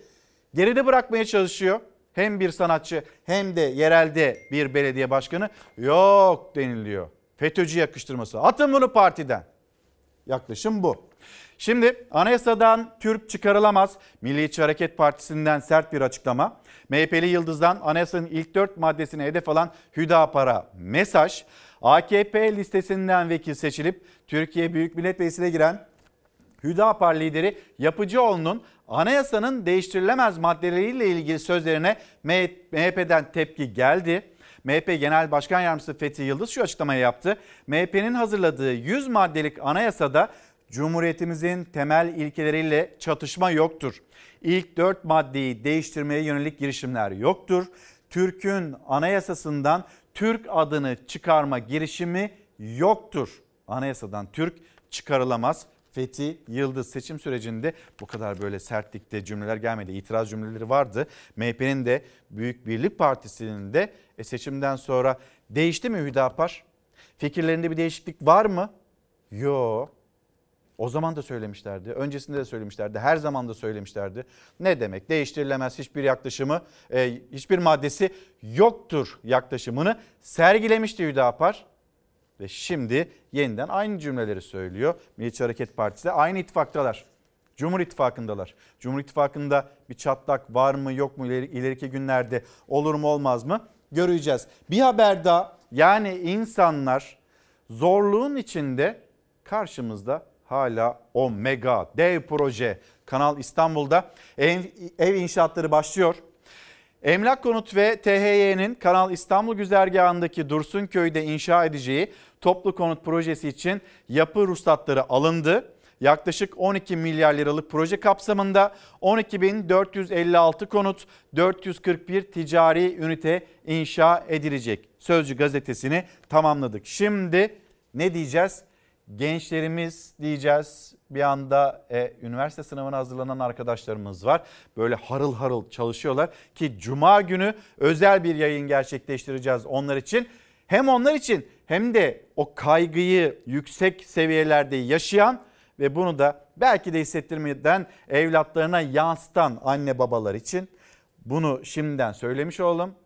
Sadece bir sınav kaygısından da söz etmiyoruz üniversiteli arkadaşlarımız için. Bir de hadi kazandılar, gittiler, okudular. E geçim, gelecek kaygısı var mıdır şimdiden? Var maalesef. Son sürat hazırlanıyoruz. Sağlık Üniversitesi tutturmak, onun üzerinden ilerlemek. Şu an benim gireceğim, istediğim bölüm açıkçası e, pek iç açı, iç açıcı olarak gözükmüyor. Biraz böyle diyorlar bulamazsın iş. O kadar emek veriyorsun, o kadar çalışıyorsun ama bir sonuç olarak karşılığını alamıyorsun.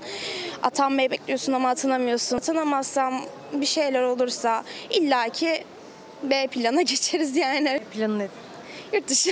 Yazılım istiyorum da işte zor. İş bulabiliyorsun en azından yazılım. Hani okuyup işsiz olmuyorsun. Ee, babamın borçları var onun için çalışmam lazım. Hatta onun için şu an iş kura gidiyorum. Yurt dışına çıkmak istiyorum yani.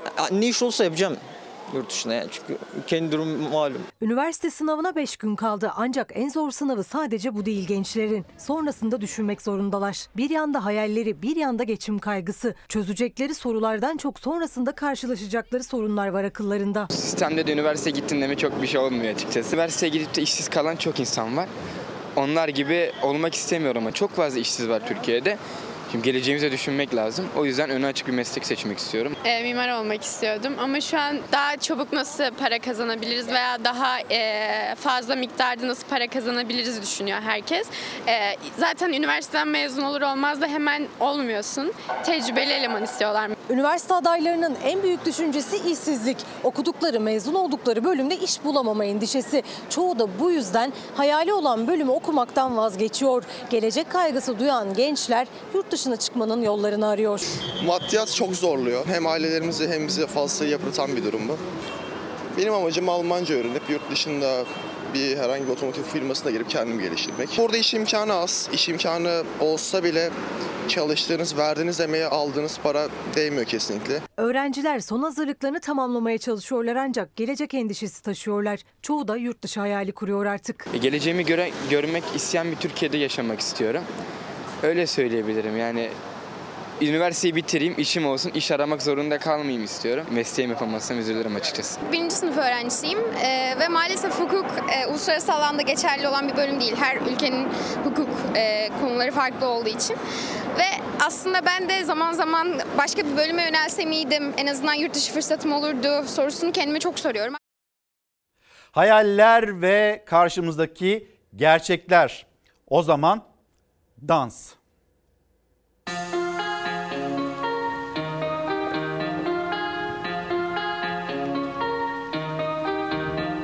Alışveriş yapmaya gittiği markette sevdiği şarkıyı duyduğu ceketini çıkardı. Görenleri hayran bırakan dans performansını sergiledi.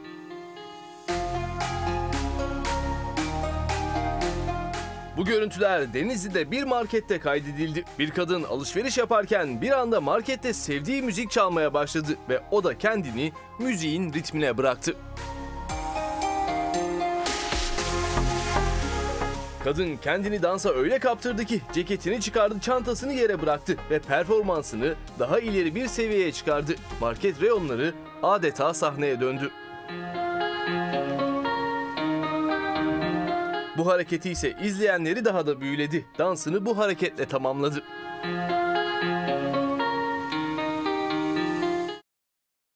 Harika. Şimdi yeniden reklamlara gideceğiz. Ee, ama öncesinde kitaplarımız var. Böyle hızlı hızlı anlatmak ve aktarmak istiyorum. Bayağı da bir kitabımız birikti çünkü. Serra Gürçay Çıplak Ayak kitabı. Fetih ve Fatih Ahmet Şimşek, Emel Akbaş'ın çalışması. Fazlı Bulut Meksika büyülü ülke. Bir garip bin deli Güner Çakır'ın kitabı. Ee, Atatürk, Cumhuriyet ve Özgürlük Beyazıt Akman. Cumhuriyete giden 7 efsanevi günün hikayesi var bu kitapta.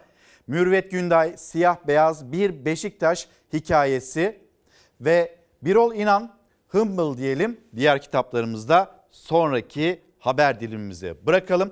Reklamların ardından daha yine anlatacağımız bir sürü haberimiz var. Bir de sizlerden gelecek olan mesajlar var. Daha Türkiye turuna çıkmadık yerel gazetelerle tamamlamadığımız gazeteler var.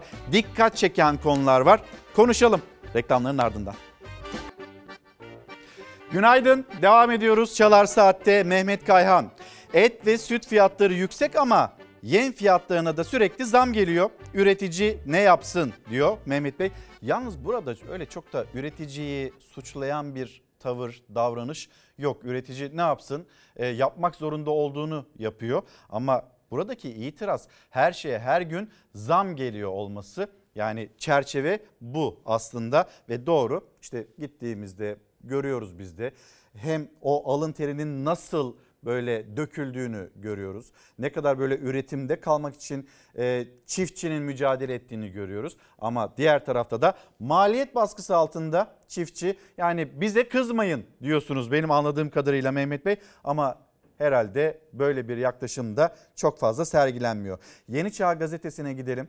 Böyle e, Çalar Saat'in başlangıcında da söylemiştik evlenmek ne kadar güç, ne kadar daha zor onunla ilgili bir manşet haber ve biz de e, derlemesini yaptık. Beyaz eşyaya baktık. Sonra böyle salon takımına baktık, yatak odası takımına baktık, perdesine baktık. Evin böyle iğneden ipliğe her şeyine, tüm eşyalarına baktık. Karşımızda dudak uçuklatan bir maliyet var. Enflasyon canavarı bekara da acımadı.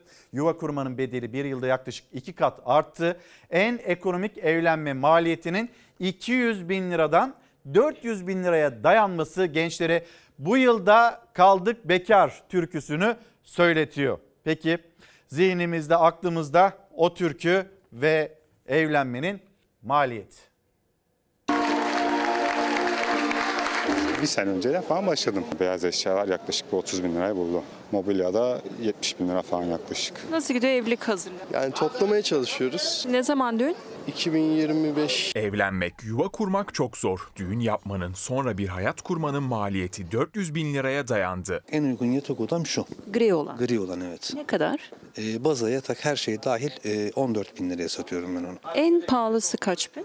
45 bin lira. En uygun koltuk takımı? 10 bin lira. En pahalısını sorarsak o da hemen yanımızdaki 32 bin liraya geliyor. Ne altında, ne beyaz eşyada, ne düğün salonu kirasında ne de mobilyada. Bir sene önceki fiyatların yanına yaklaşmak artık imkansız. 2 artı 1 yeni deprem güvenliği olan diyebileceğimiz 75-80 metrekare daireler 20 bin liradan başlıyor. Eski binalarda bu durum 10 bin liradan başlıyor. Evlilik maliyeti araştırmasına göre evlenmenin en düşük maliyeti önceki yıl 90 bin, geçen sene ise 200 bin liraydı. Ama şimdi sadece kuru pastalı bir düğünün organizasyonu 50 bin liradan başlıyor. Yemekli davetse 150 bin lirayı aşıyor. Tedarikçi firmalarımızdan aldığımız ürünler %300 artmasına rağmen biz saloncu olarak halen daha fiyatlarımız %50 gibi bir artışlarla devam ediyoruz. Biz düğün salonlarına 30-35 bin lira istediğimizde kimse düğün yapmayıp daha çok nikah salonlarına yöneliyorlar. Yemekli bir düğünün maliyeti 400-500 liradan aşağı değil 80 bin civarında bir rakam yapar. Bunun üzerine salon fiyatları, diğer e, fotoğraf ve kamera fiyatlarını eklediğinizde yaklaşık 100 bin liraya bulacak bir rakamdır yani. Yaz kış olarak e, %20 civarında fark ediyor. Fakat e, artık düğün sezonları yazdan daha çok kış sezonuna dönmeye başladı. Ortalama kalitede salon, oturma ve yatak odası takımları 100 bin lira sınırında ve beyaz eşya. Buzdolapları 7 bin liradan başlıyor. Bulaşık makineleri de 4500-5000 civarı. Çamaşır makinelerinin 5 kilo isterlerse 4200-4300 lira. Bu göreceli 150 bine de çıkabiliyor. 35 bine de bitebiliyor. Geçen sene 7500 lira olan buzdolabı şimdi ise 15 bin lira. Yine geçen sene 8 bin liralara alınabilen çamaşır makinesi 16-17 bin liralarda. Televizyondaki artış da %100'den fazla 10-15 bin lira arasında. Bir sene önce falan başladım. Beyaz eşyalar yaklaşık bir 30 bin lirayı buldu. Mobilyada 70 bin lira falan yaklaşık. Daha perde var, halılar var, küçük ev aletleri, gelinliği, damatlığı yani ele güne karşı alışverişi. Normal bir e, daire 10 bin lira. Küçük çekmece, avcılar Bütçenin ne kadarını götürüyor kira? işte 45-50. Bunun içinde takılar makılar, diğer şeyler yok. Gelinlik, nişanlık falan. Tabii onlar yok. Yaklaşık bir her şey içinde 550-600 arası gidecek büyük ihtimal. Düğün yapmak kolay değil. Düğüne gitmek kolay mı peki? Takısı, bileziği. Altın bir ayda %20'ye yakın değer kazandı. Gram altın 1495 lirayla yine rekor kırdı. Kuyumcuda fiyatı 1550 lira. Çeyrek altın 2500, Cumhuriyet altını ise 10350 lira. Nasıl gidiyor evlilik hazırlığı? Yani toplamaya çalışıyoruz. Ne zaman düğün? 2025 Düğün yapacağım diyene artık şöyle gözünü kısarak bakıyor insanlar. Bize gelmiş miydi? Borcumuz var mıydı? Ne yapacağız? Telaşlı telaşlı. Yani ev kurmak zor, düğüne gitmek de kolay değil. Bunu yaşıyor musunuz? Belki yazarsınız. Hem belki düğün hazırlığı yapanlar vardır. Alışverişe de çıkmışsınızdır. Nasıl bir e, fatura var karşınızda? Hem onu yazın hem de düğün yapacağım diyenler, davetli listesine eklenenler. Onlar ne düşünüyorlar acaba? Bu alt, artan altın fiyatlarıyla ilgili olarak gram altın işte 1500 liranın üzerinde onun bileziği var, burması var, ele güne karşı bir alışverişi, o takı merasimi, bir de onun anonslusu var. İşte e, gelinin dayısından bu kadar. Yani onlar hep kayıt altına alınıyor. Ne düşünüyorsunuz? Lütfen yazıp gönderin. Yerel gazetelere bakalım mı? Hep birlikte. Hadi buyurun yerel gazeteler diyelim.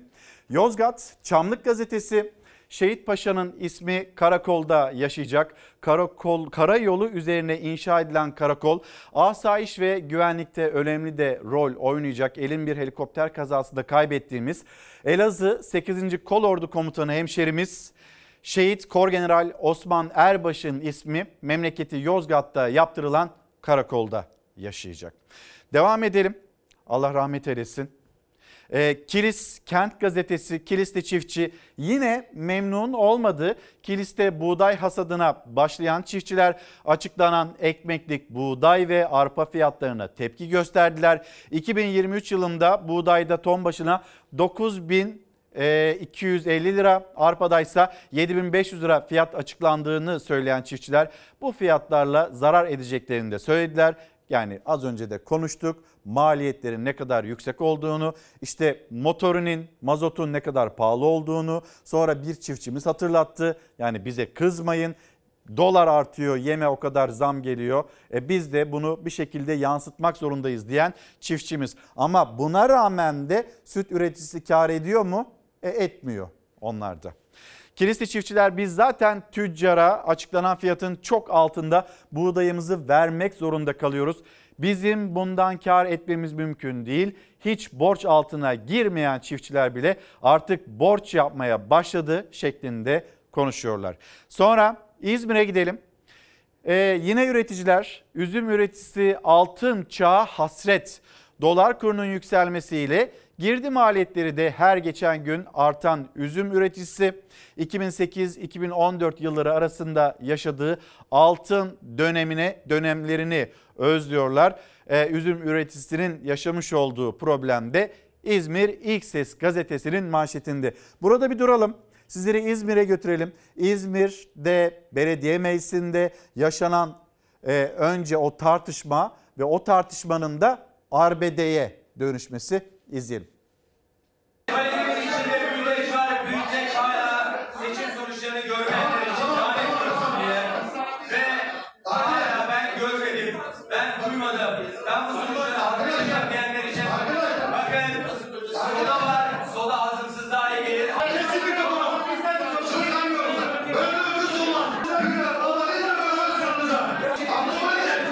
Seçim sonuçları üzerinden CHP'li üyelere sataştı. Belediye meclisinde arbede yaşandı. AK Partili üye CHP'li üyeyi ittirerek yere düşürdü. İzmir Büyükşehir Belediye Meclisi'nde kaydedildi bu görüntüler. AK Partili üye Yusuf Demircioğlu kürsüye elinde valizle çıktı. Gramofon, büyüteç ve soda çıkardı valizinden. CHP'li üyelere seslendi. Valizimin içinde büyüteç var, büyüteç hala seçim sonuçlarını görmeyenler için lanet olsun diye ve hala ben görmedim, ben duymadım, ben bu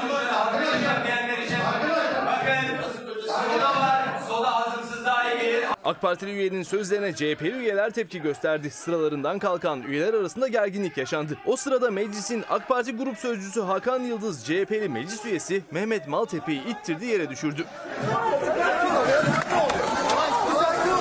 İBB meclisinde tansiyon kolay kolay düşmedi.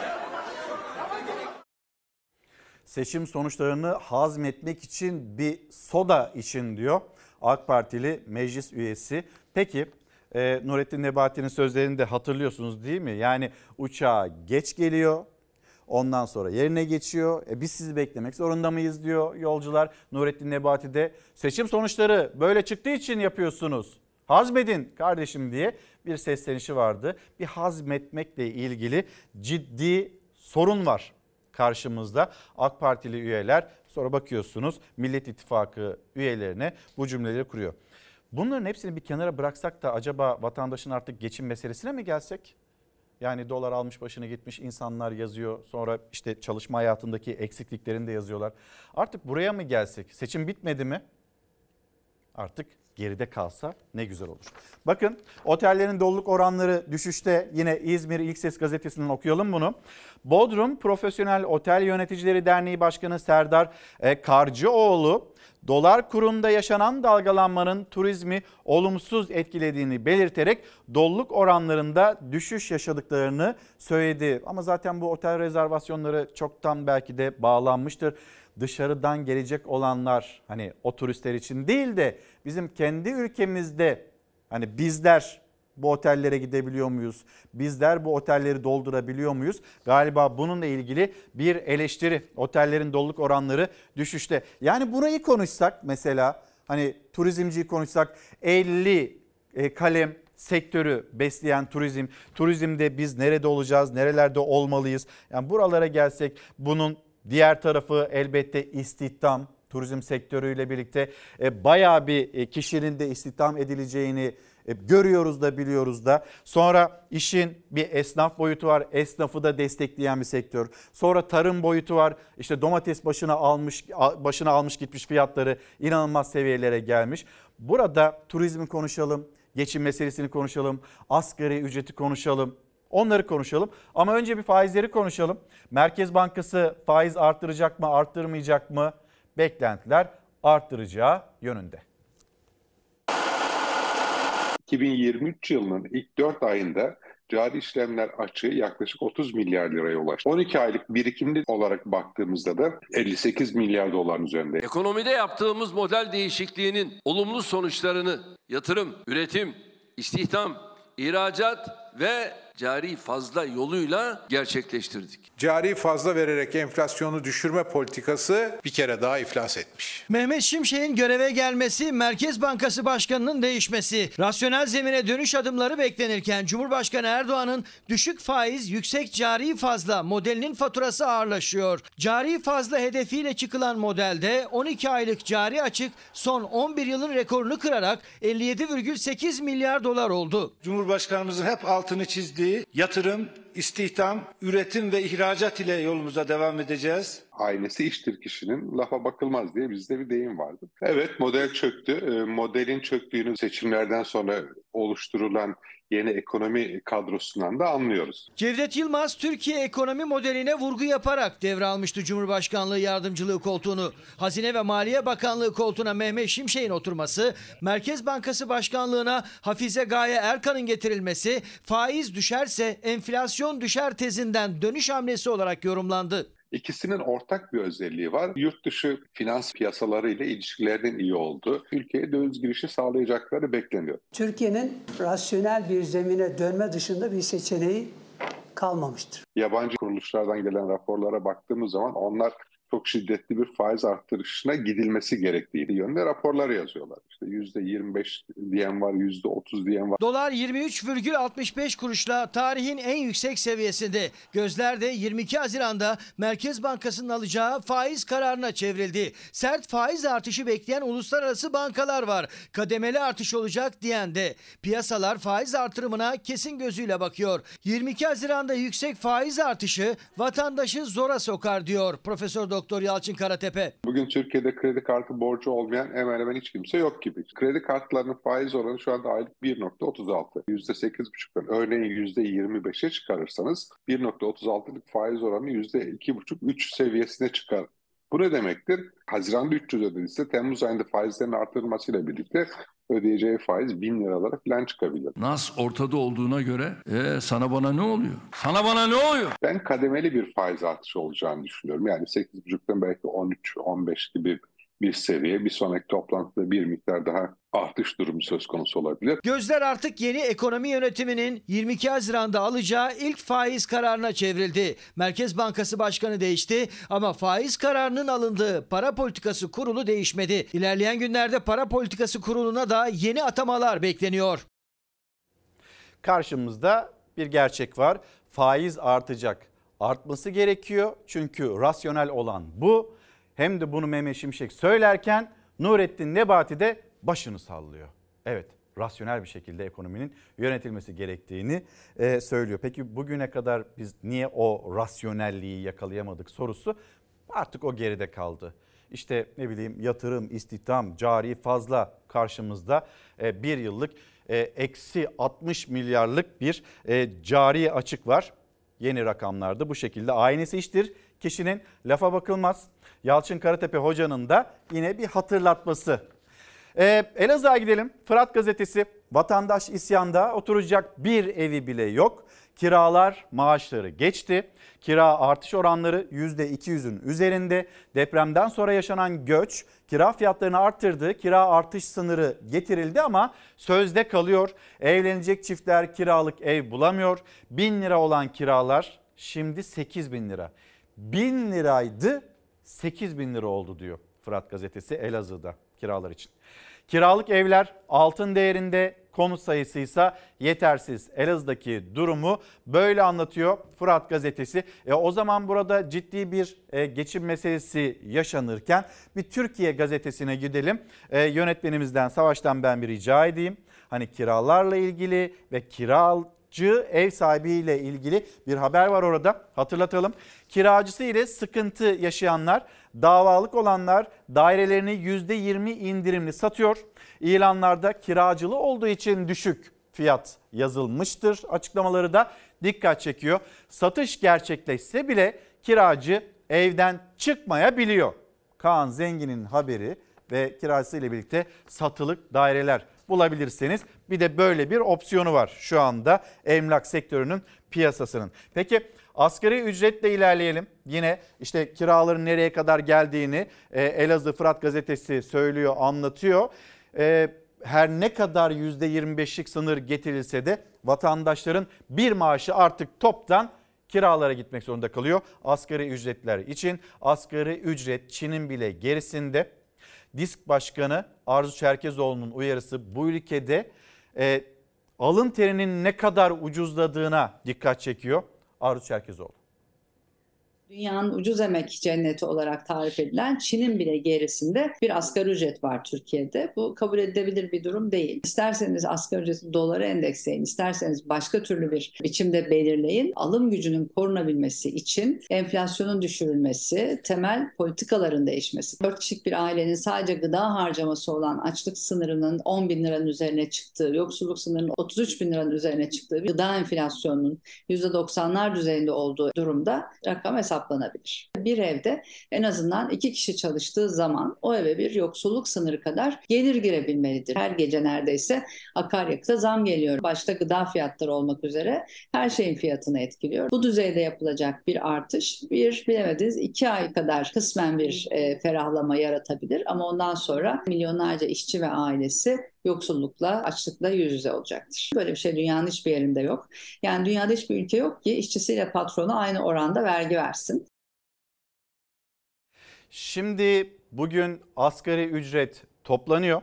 Hemen arkamızda da dün işverenlerin yapmış olduğu açıklama ve işverenler adına konuşan isimde Özgür Burak Akkol, TİSK Başkanı. E, acaba ne kadar olarak belirlenecek asgari ücret? Asgari ücret belirlenince başka neler de aslında böyle fiyatları ya da ücretlendirmesi değişmiş olacak. Onu da söyleyelim. e, asgari ücrete gelecek olan zammın yanında e, eklenecek olan kalemler. Mesela staj ücreti, sonra işsizlik maaşı, 65 yaş aylığı, engelli aylığı, asgari ücretlinin kıdem tazminatının tavanı ve genel sağlık sigortası primi. Bu kalemlerde de değişiklikler olacak. Asgari ücretle ilgili tekrar söyleyelim milyonların başta 7 milyon asgari ücretlinin ama aynı zamanda işte etkilenecek olan kalemler asgari ücrette komşu olan ücretlerle hayatını idame ettirmeye çalışanlar e, onların maaşlarını da etkileyecek. Bir hemen bakalım asgari ücretle ilgili son kulisler nedir? Yeni kulisler var. Sonra Türk İş'in tavrı, masa tavrı çok merak ediliyor. Bununla ilgili de Ergün Atalay'dan gelen açıklama. Önemli olan burada istihdamı da aksatmayacak, sürdürülebilir ama dengeli, çalışanın da işverenin de beklentisini dikkate alan tutardır. Bu da tabii Türkiye Cumhuriyeti'ndeyiz. E, TL konuşacağız. Aşağı yukarı 500 dolar civarında. Ona göre bir asgari ücret belirleyeceğiz inşallah. Çalışmalarımız hazır. Bir temenni olarak belirli seviyelerden bahsediyor. Biz tabii Türkiye Cumhuriyeti Devleti'ndeyiz. Başka para birimiyle asgari ücret belirlenmiyor. Asgari ücret tespit komisyonunun ilk toplantısından bir gün önce işvereni temsil eden TİSK eski Çalışma Bakanı'nın 500 dolar seviyesi açıklaması hakkında konuştu. Asgari ücret pazarlığı dolar değil Türk lirası üzerinden olacak dedi. Asgari ücret maratonu bugün başlıyor. Dünyanın ucuz emek cenneti olarak tarif edilen Çin'in bile gerisinde bir asgari ücret var Türkiye'de. Bu kabul edilebilir bir durum değil. 1 Ocak'ta 465 dolar olan 8506 liralık asgari ücret bugün 360 dolar seviyesinde. Ucuz iş gücünün en yoğun olduğu Çin'de dahi asgari ücret 380 dolar. İsterseniz asgari ücreti dolara endeksleyin, isterseniz başka türlü bir biçimde belirleyin. Alım gücünün korunabilmesi için enflasyonun düşürülmesi, temel politikaların değişmesi. Burada bir iyi niyet var. Enflasyon düşüş trendinde. Buna rağmen biz de Türk işverenleri olarak ara dönem artış yapılmasında mutabıkız. Bugün işçi, işveren ve bakanlık Temmuz ayı zam oranı için ilk kez masaya oturacak. Öncesinde işveren adına masada olacak TİSK Başkanı, yeni Çalışma Bakanı Vedat Işıkhan'ı ziyaret etti. Asgari ücret için bir rakam konuşulmadığını söyledi ama ara zammı bir iyi niyet göstergesi olarak yorumladı. Biz tek gemideyiz. Bir tane ülke var, bir tane çalışma hayatı var. 4 kişilik bir ailenin sadece gıda harcaması olan açlık sınırının 10 bin liranın üzerine çıktığı, yoksulluk sınırının 33 bin liranın üzerine çıktığı, gıda enflasyonunun %90'lar düzeyinde olduğu durumda rakam hesaplanabilir. Bir evde en azından iki kişi çalıştığı zaman o eve bir yoksulluk sınırı kadar gelir girebilmelidir. 6 aylık enflasyon farkı artı refah payı üzerinde bir zam bekleniyor. %25 zamla 10.632. %30 zam yapılırsa 11.057 liraya yükselecek. Eski Çalışma Bakanı Vedat Bilgin'in 500 dolar seviyesi açıklaması için en az %40 zam gerekiyor. %40 zam asgari ücretin 11.910 TL'ye yükselmesi demek. Her gece neredeyse akaryakıta zam geliyor. Başta gıda fiyatları olmak üzere her şeyin fiyatını etkiliyor. Bu düzeyde yapılacak bir artış bir bilemediniz iki ay kadar kısmen bir e, ferahlama yaratabilir ama ondan sonra milyonlarca işçi ve ailesi yoksullukla, açlıkla yüz yüze olacaktır. İşverenlerin üzerinde bir yük var. Bu yükü azaltmak için devletin böyle bir desteği artırarak vermesinin önemli olduğunu düşünüyorum. İşveren yeni asgari ücretin dolar kuru üzerinden belirlenmesine karşı dengeli sürdürülebilir bir ücret diyor. İşçi kayıplarının telafisi için yaşanabilir bir asgari ücret bekliyor. Çalışan üzerindeki vergi diliminin düşürülmesi, vergi oranlarının yeniden belirlenmesi maddesi de pazarlık masasındaki bir diğer önemli başlık olacak. Böyle bir şey dünyanın hiçbir yerinde yok. Yani dünyada hiçbir ülke yok ki işçisiyle patronu aynı oranda vergi versin. Çalışanların da daha fazla refah e, seviyesini artıracak. Gelir vergisi hem dilimlerinde hem oranlarında güncellemeler yapılabilir. Biz TİSK olarak altına imzamızı atmaya devam edeceğiz. Türkiye modeli böyle. Dünyanın hiçbir yerinde karşılaşılan bir durum değil. İşçi de patron da aynı vergi oranlarına tabi. Hatta yeri geliyor işçi patronundan daha fazla vergi ödüyor. Peki e, Aralık ayındaki görüşme trafiğini hatırlayacaksınız asgari ücretin ve o dönemde e, asgari ücret masasında işçiler adına masaya oturan Türk İş ve Türk İş Başkanı 9 bin liranın altına ben gelip de imza atmam demişti. Çok da davet geldi. Çok da telefon geldi ama Türk İş Başkanı gidip imzayı atmadı. 8500 lira olarak da hükümet hakemdi. E, işverenler bu e, oranı, bu maaşı belirlediler. Neden gitmedi Türk İş? Böyle olacağı aşikardı. Zaten 2 ay sonra açlık sınırını yakaladı. Asgari ücretle açlık sınırı birbirini yakaladı. E sonrasında zaten gerisinde kaldı. Türk İş'in verilerine göre açlık sınırı 10 bin liranın üzerinde. Yoksulluk sınırı 33 bin liranın üzerinde ve şimdi önünde Türk İş'in benzer bir görüşme trafiği var. O gün gidip masaya oturmadılar. Biz bunun altına işçiler için imza atmayız dediler. Eğer yine bizim istediğimiz kabul etmediğimiz bir rakam çıkarsa yine orada olmayız yine masaya oturmayız dedi. Bu resti çekti Ergün Atalay. Daha önce dedik ki görüşmelere asgari ücretli birisi katılsın. Yasal olarak e, muhatabımız sensin diyorlar. Henüz ortada bir rakam da yok. Ben şu aşamada hiç konuşmuyorum ama dönüp dolaşıp ihale bize kalıyor. Böyle bir sistem yok. Bakalım göreceğiz. Onlar ne söyleyecek? Onlar karşımıza nasıl bir rakam koyacaklar? Ona göre de biz tavrımızı belirleyeceğiz diyor. Ergün Atalay yaklaşımını şimdiden çok net bir şekilde de e, çizmiş oldu. Buradan da gideceğimiz haber ne olsun? E, işsizlik rakamları olsun. Dün işsizlik rakamları açıklandı. İnsanlar emekli olsalardı nasıl iş bulmaya devam ediyorlar ya da çalışmak zorunda kalıyorlar. Sonra bu ülkenin ev gençleri diye bir kavramı var. Gençler mezun oluyor okullarından ama iş bulamıyorlar. İşsizlik artmaya devam ediyor. 3 aydır işsizim. İş, iş arıyorum. Şu an iş küre geldim. Banka ve sigorta okudum. Özel bankalara başvuru yaptım. Bu işe girmeden önce 4-5 ay iş aradım. Benim yaşımdaki bir gencin 12-14 saat çalışarak bu paraya değil de daha farklı, daha çok bir para kazanabilir. Ben bu işte çalışıyorum. Belki para kazanıyorum evet. Ama yani kendime vakit ayıramıyorum. Aylardır iş arayanlar, kendi alanında çalışamayanlar. İş bulmak zor. TÜİK'e göre de Mart ayında %10 olan işsizlik oranı Nisan'da %10,2'ye yükseldi. Engelli şimdi müracaat yapmaya geldim. Bana göre bir iş. Ne bulabilirsek artık yani masa başı falan yani. Mecburen çalışmak zorundayız yani. Şu anda ne umutluyum ne umutsuzum hiç belli değil yani. Destekli zar zor ayaktaydı. Engelli 3 çocuk babası Cahit Akbaş'ta iş bulma umuduyla İşkur'a geldi. Bin bir zahmetle girdiği İşkur kapısından yine aynı zorlukla ve iş bulamadan çıktı. TÜİK'e göre işsiz sayısı 3 milyon 585 bin kişiye yükseldi. En çok dikkat çekense tarımdaki istihdam düşüşü. 2021'in ilk çeyreğinde %16,7 idi. 2023'ün ilk çeyreğinde %13,6'ya geriledi. Babam çiftçi. Batman'da memlekette. Göç etmek zorunda kaldık maalesef. Artık çiftçilikte bir gelecek yok yani. Her şey almış başını gidiyor yani. Daha güzel hayallerle geldik ama pek güzel de gözükmüyor yani.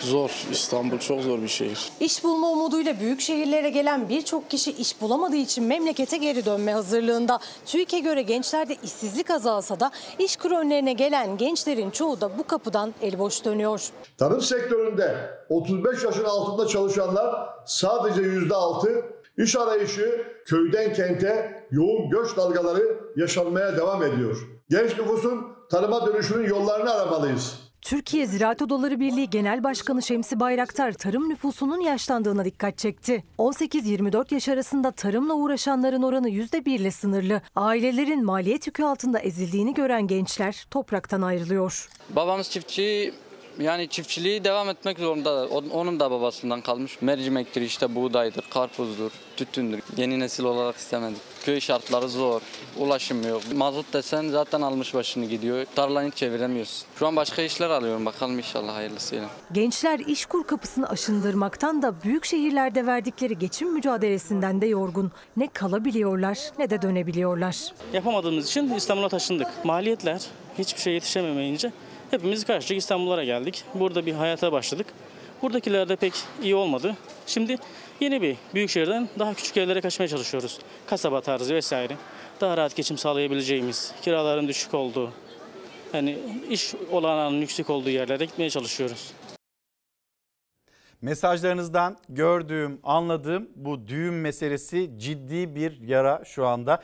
Hem yuva kurmak isteyenler için hem de düğüne davetiye alanlar için. Bir bakalım ee, izleyicilerimiz düğün yapmak normal, tatile çıkmak, evde yemek yemek, e, evde yemek yapmak, barınmak normal ama Türkiye'de hepsi hayal oldu diyor izleyicimiz. Düğüne davetli olarak gitmek gerçekten hiç kolay değil. E, depremi atlatmışız. Herkes bize yardım elini uzatmış. İnsanların yardımına muhtaç hale gelmişiz. Akrabamız iki hafta önce geldi. Kızı evlendireceğim hazırlayın altınları dedi diyor. Bir yandan da gülüyor tabii izleyicimiz. Valla ben 2021 yılında evlendim. Hala borç ödüyorum. Şimdi evlenenler düğün borçlarını 10 senede anca bitirir demiş Hülya Hanım. Bu pahalılıkta kimse evlenmesin diyor. Gülsün Hanım da soy isminizi söylemeyeyim sonra sıkıntı olmasın. Çünkü e, evlenmesinler de zaten oğlum sevgilisinden bu yüzden ayrıldı diye bir mesaj. E, bu yükselen fiyatlar ne olacak? Altın fiyatları uçtu biz evlenmeyi falan e, unuttuk. Hani öyle bir hayali de kuramaz hale geldik diyor Mustafa Bey. Yani bu evlilik meselesi arkamda görmüş olduğunuz manşet haberle birlikte enflasyon canavarı bekarlara acımadı. Bakalım mı geçen sene ne kadardı mesela buzdolabı, televizyon şu anda hangi seviyelere geldi? Bir kez daha hatırlatayım mı ben sizlere? Geçen sene 7500 liraydı. Hani ortalama bir buzdolabından söz ediyoruz. Bu sene 17 bin lira. Geçen sene 7 bin lira çamaşır makinesi. E şimdi 18 bin lira. Televizyon 5 bin liraya alınabilirken bu sene 12 bin lira. Düğün salonu geçen sene 25 bin lira bu sene 50 bin. Yani o düğün salonu da hani kuru pastalı böyle e, meşrubatlı vişne sulu kan yapsın diye heyecan olsun halayda daha güçlü olunsun diye öyle bir düğünden söz ediyoruz.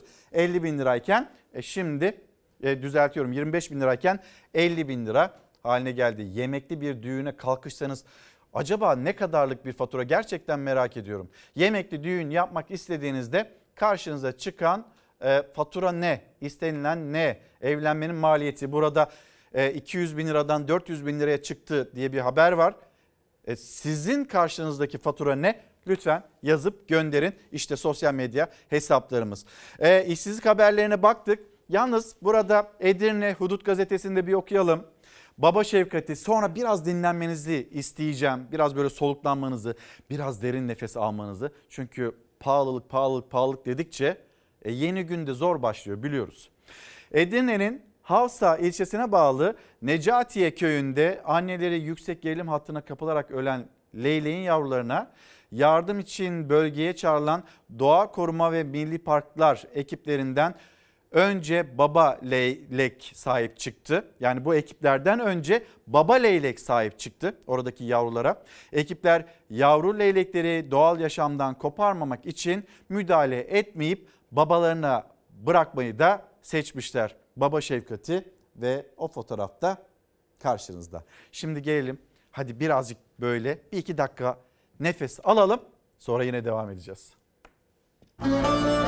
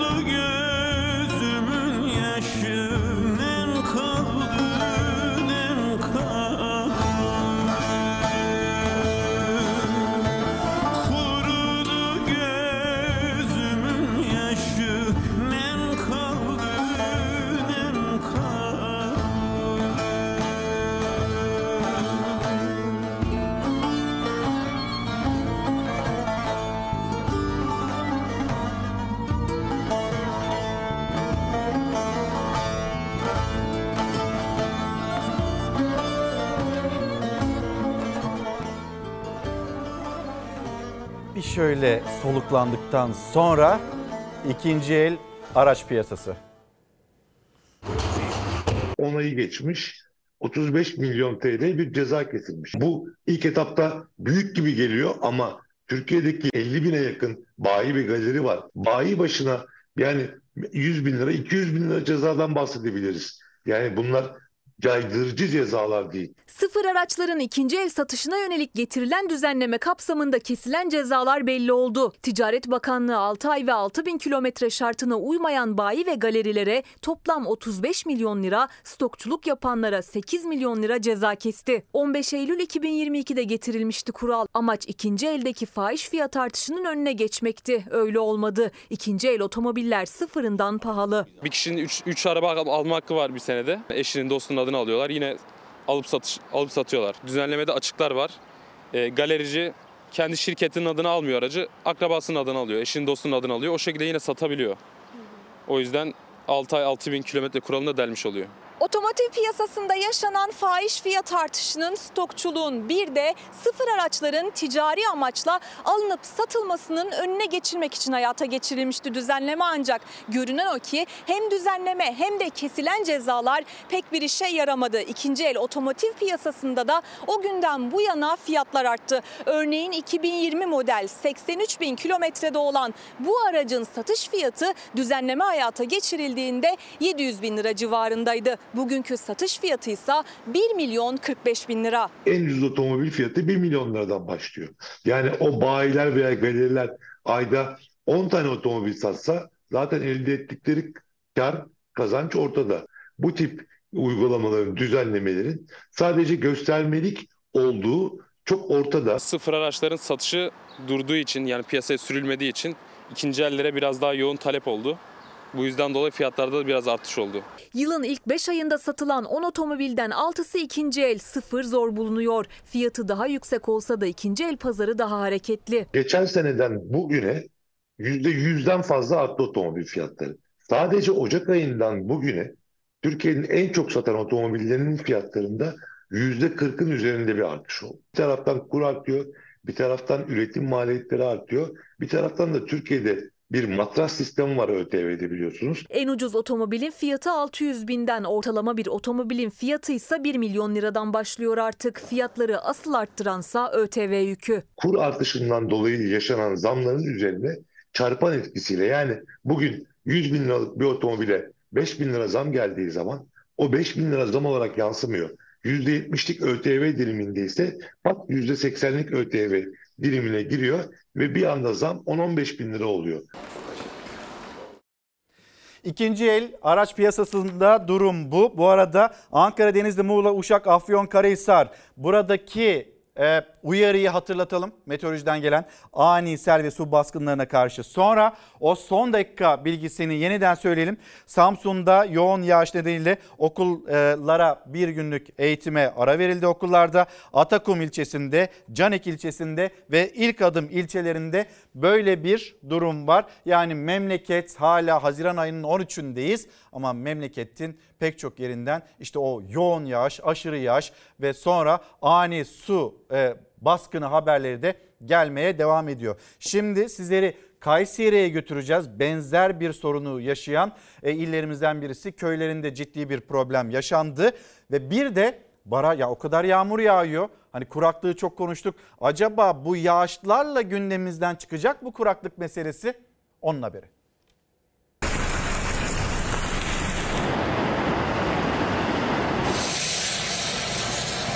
Kolay gelsin, geçmiş olsun. Kayseri'de öğle saatlerinde başlayan sağanak yağış Develi, Yeşilhisar ve Yahyalı ilçelerinde sele sebep oldu. Ekili araziler, yollar hasar gördü. Sel, Kayseri-Niğde yolunu ulaşıma kapadı. Şiddetli yağışlar Yeşilhisar'ı su altında bıraktı. Çöken yollarda hasar gören araçlar oldu. Kayseri-Niğde yolu su altında kalınca yolun gerisinde kilometrelerce kuyruk oluştu. Karayolunun bir kısmını kapatan ekipler güvenlik nedeniyle araçların geçişine izin vermedi. Yahyalı ilçesine bağlı Karaköy mahallesinde yağışların şiddetini kaldıramayan kaya parçaları dağlık bölgeden yollara düştü. Can kaybı ve yaralı olmaması teselli olurken çok sayıda ev su altında kaldı. Kayseri'de hafta boyunca yağışlar sürecek yetkililer afet bölgelerinde tedbirleri artırmalı.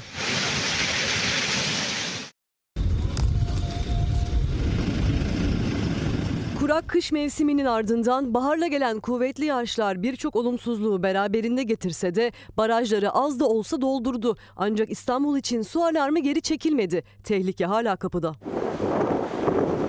16 milyon nüfus yetersiz yağışlar barajlardaki seviye hala kritik. 12 Haziran'da gelen son raporlara göre İstanbul'da son yağışlarla birlikte barajlarda doluluk oranı %47'ye tırmandı. Ancak son 3 aya kıyasla gerileme %12. Yıllar içindeki farksa çok büyük. 2022 yılının aynı tarihinde barajlardaki doluluk oranı %77 idi. İstanbul'a su sağlayan 10 baraj var. İçlerinden sadece ikisi Ömerli ve Darlık Barajı'nda seviye %50 üzeri. Ali Bey Barajı %26, Pabuçdere %4,22, Kazandere'de ise doluluk %4,53. Bu sene son 23 senedeki su doluluk oranı olarak en kötü 5. sene. Bahar yağışları İzmir'de de barajları doldurdu ancak o barajlar da geçtiğimiz yıllara kıyasla son 5 yılın en gerisinde. İzmir'in en önemli su kaynaklarından Tahtalı Barajı Mayıs'taki yağışlarla %40 doldu. Tablo şu an kırmızı alarmda değil ancak İSSU Su Arıtma Dairesi Başkanı Hakan Alp Soykan tedbirin şart olduğunu söylüyor.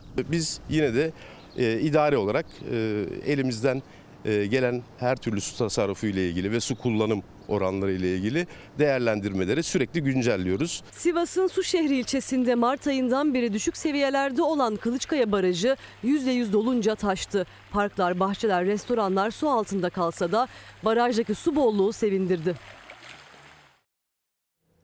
Evet şimdi Çalar Saat'te misafirimiz var. Beylikdüzü Belediye Başkanı Mehmet Murat Çalık. Kendisiyle konuşacağız. Hem deprem gündemini konuşacağız. Hem yokluğu, yoksulluğu ve yerel yöneticilerin nasıl ailelere, evlatlara destek olduklarını e, aynı zamanda siyasette bir değişim rüzgarı da esiyor. Acaba yerelde siyaset yapan birisi, bir isim olarak kendisi tüm bu olup bitenlerle ilgili ne düşünüyor? Günaydın. Hoş geldiniz. Nasılsınız? iyi yayınlar. Çok teşekkür ediyorum. Siz nasılsınız? Sağ olun. Teşekkür ederiz. Yani işte bugün dikkatle takip ettiğimiz gündem asgari ücret Evet. ve insanların geçim meselesi. Sonra kendi ilçenizde Beylikdüzü'nde acaba kiralar nerelere kadar yükseldi? İnsanlar buradan başlayalım mı? Tabii ya ki. çocukların beslenme çantasından başlayalım. Olur, Buyurun. olur. Ee, çok teşekkür ediyorum öncelikle. Aslında memleketin gündemi gerçekten ekonomi. Ee, ekonomiyi biz yerel yöneticiler olarak insanların hayatını biraz olsun kolaylaştırmak için aslında kendi bulunduğumuz alan içerisinde projeler geliştiriyoruz. Biz e, beslenme saati projesini geliştirirken biraz da o annelerin çığlıklarını duymaya gayret ettik. Çünkü anneler evlatlarına yetemediklerini, evlatlarına beslenme saatinde, beslenme çantasında bir gıda koyamadığı için evladının okula gitmek istemediğinden ifade ifadeleri bizim kulaklarımızı çınlattı.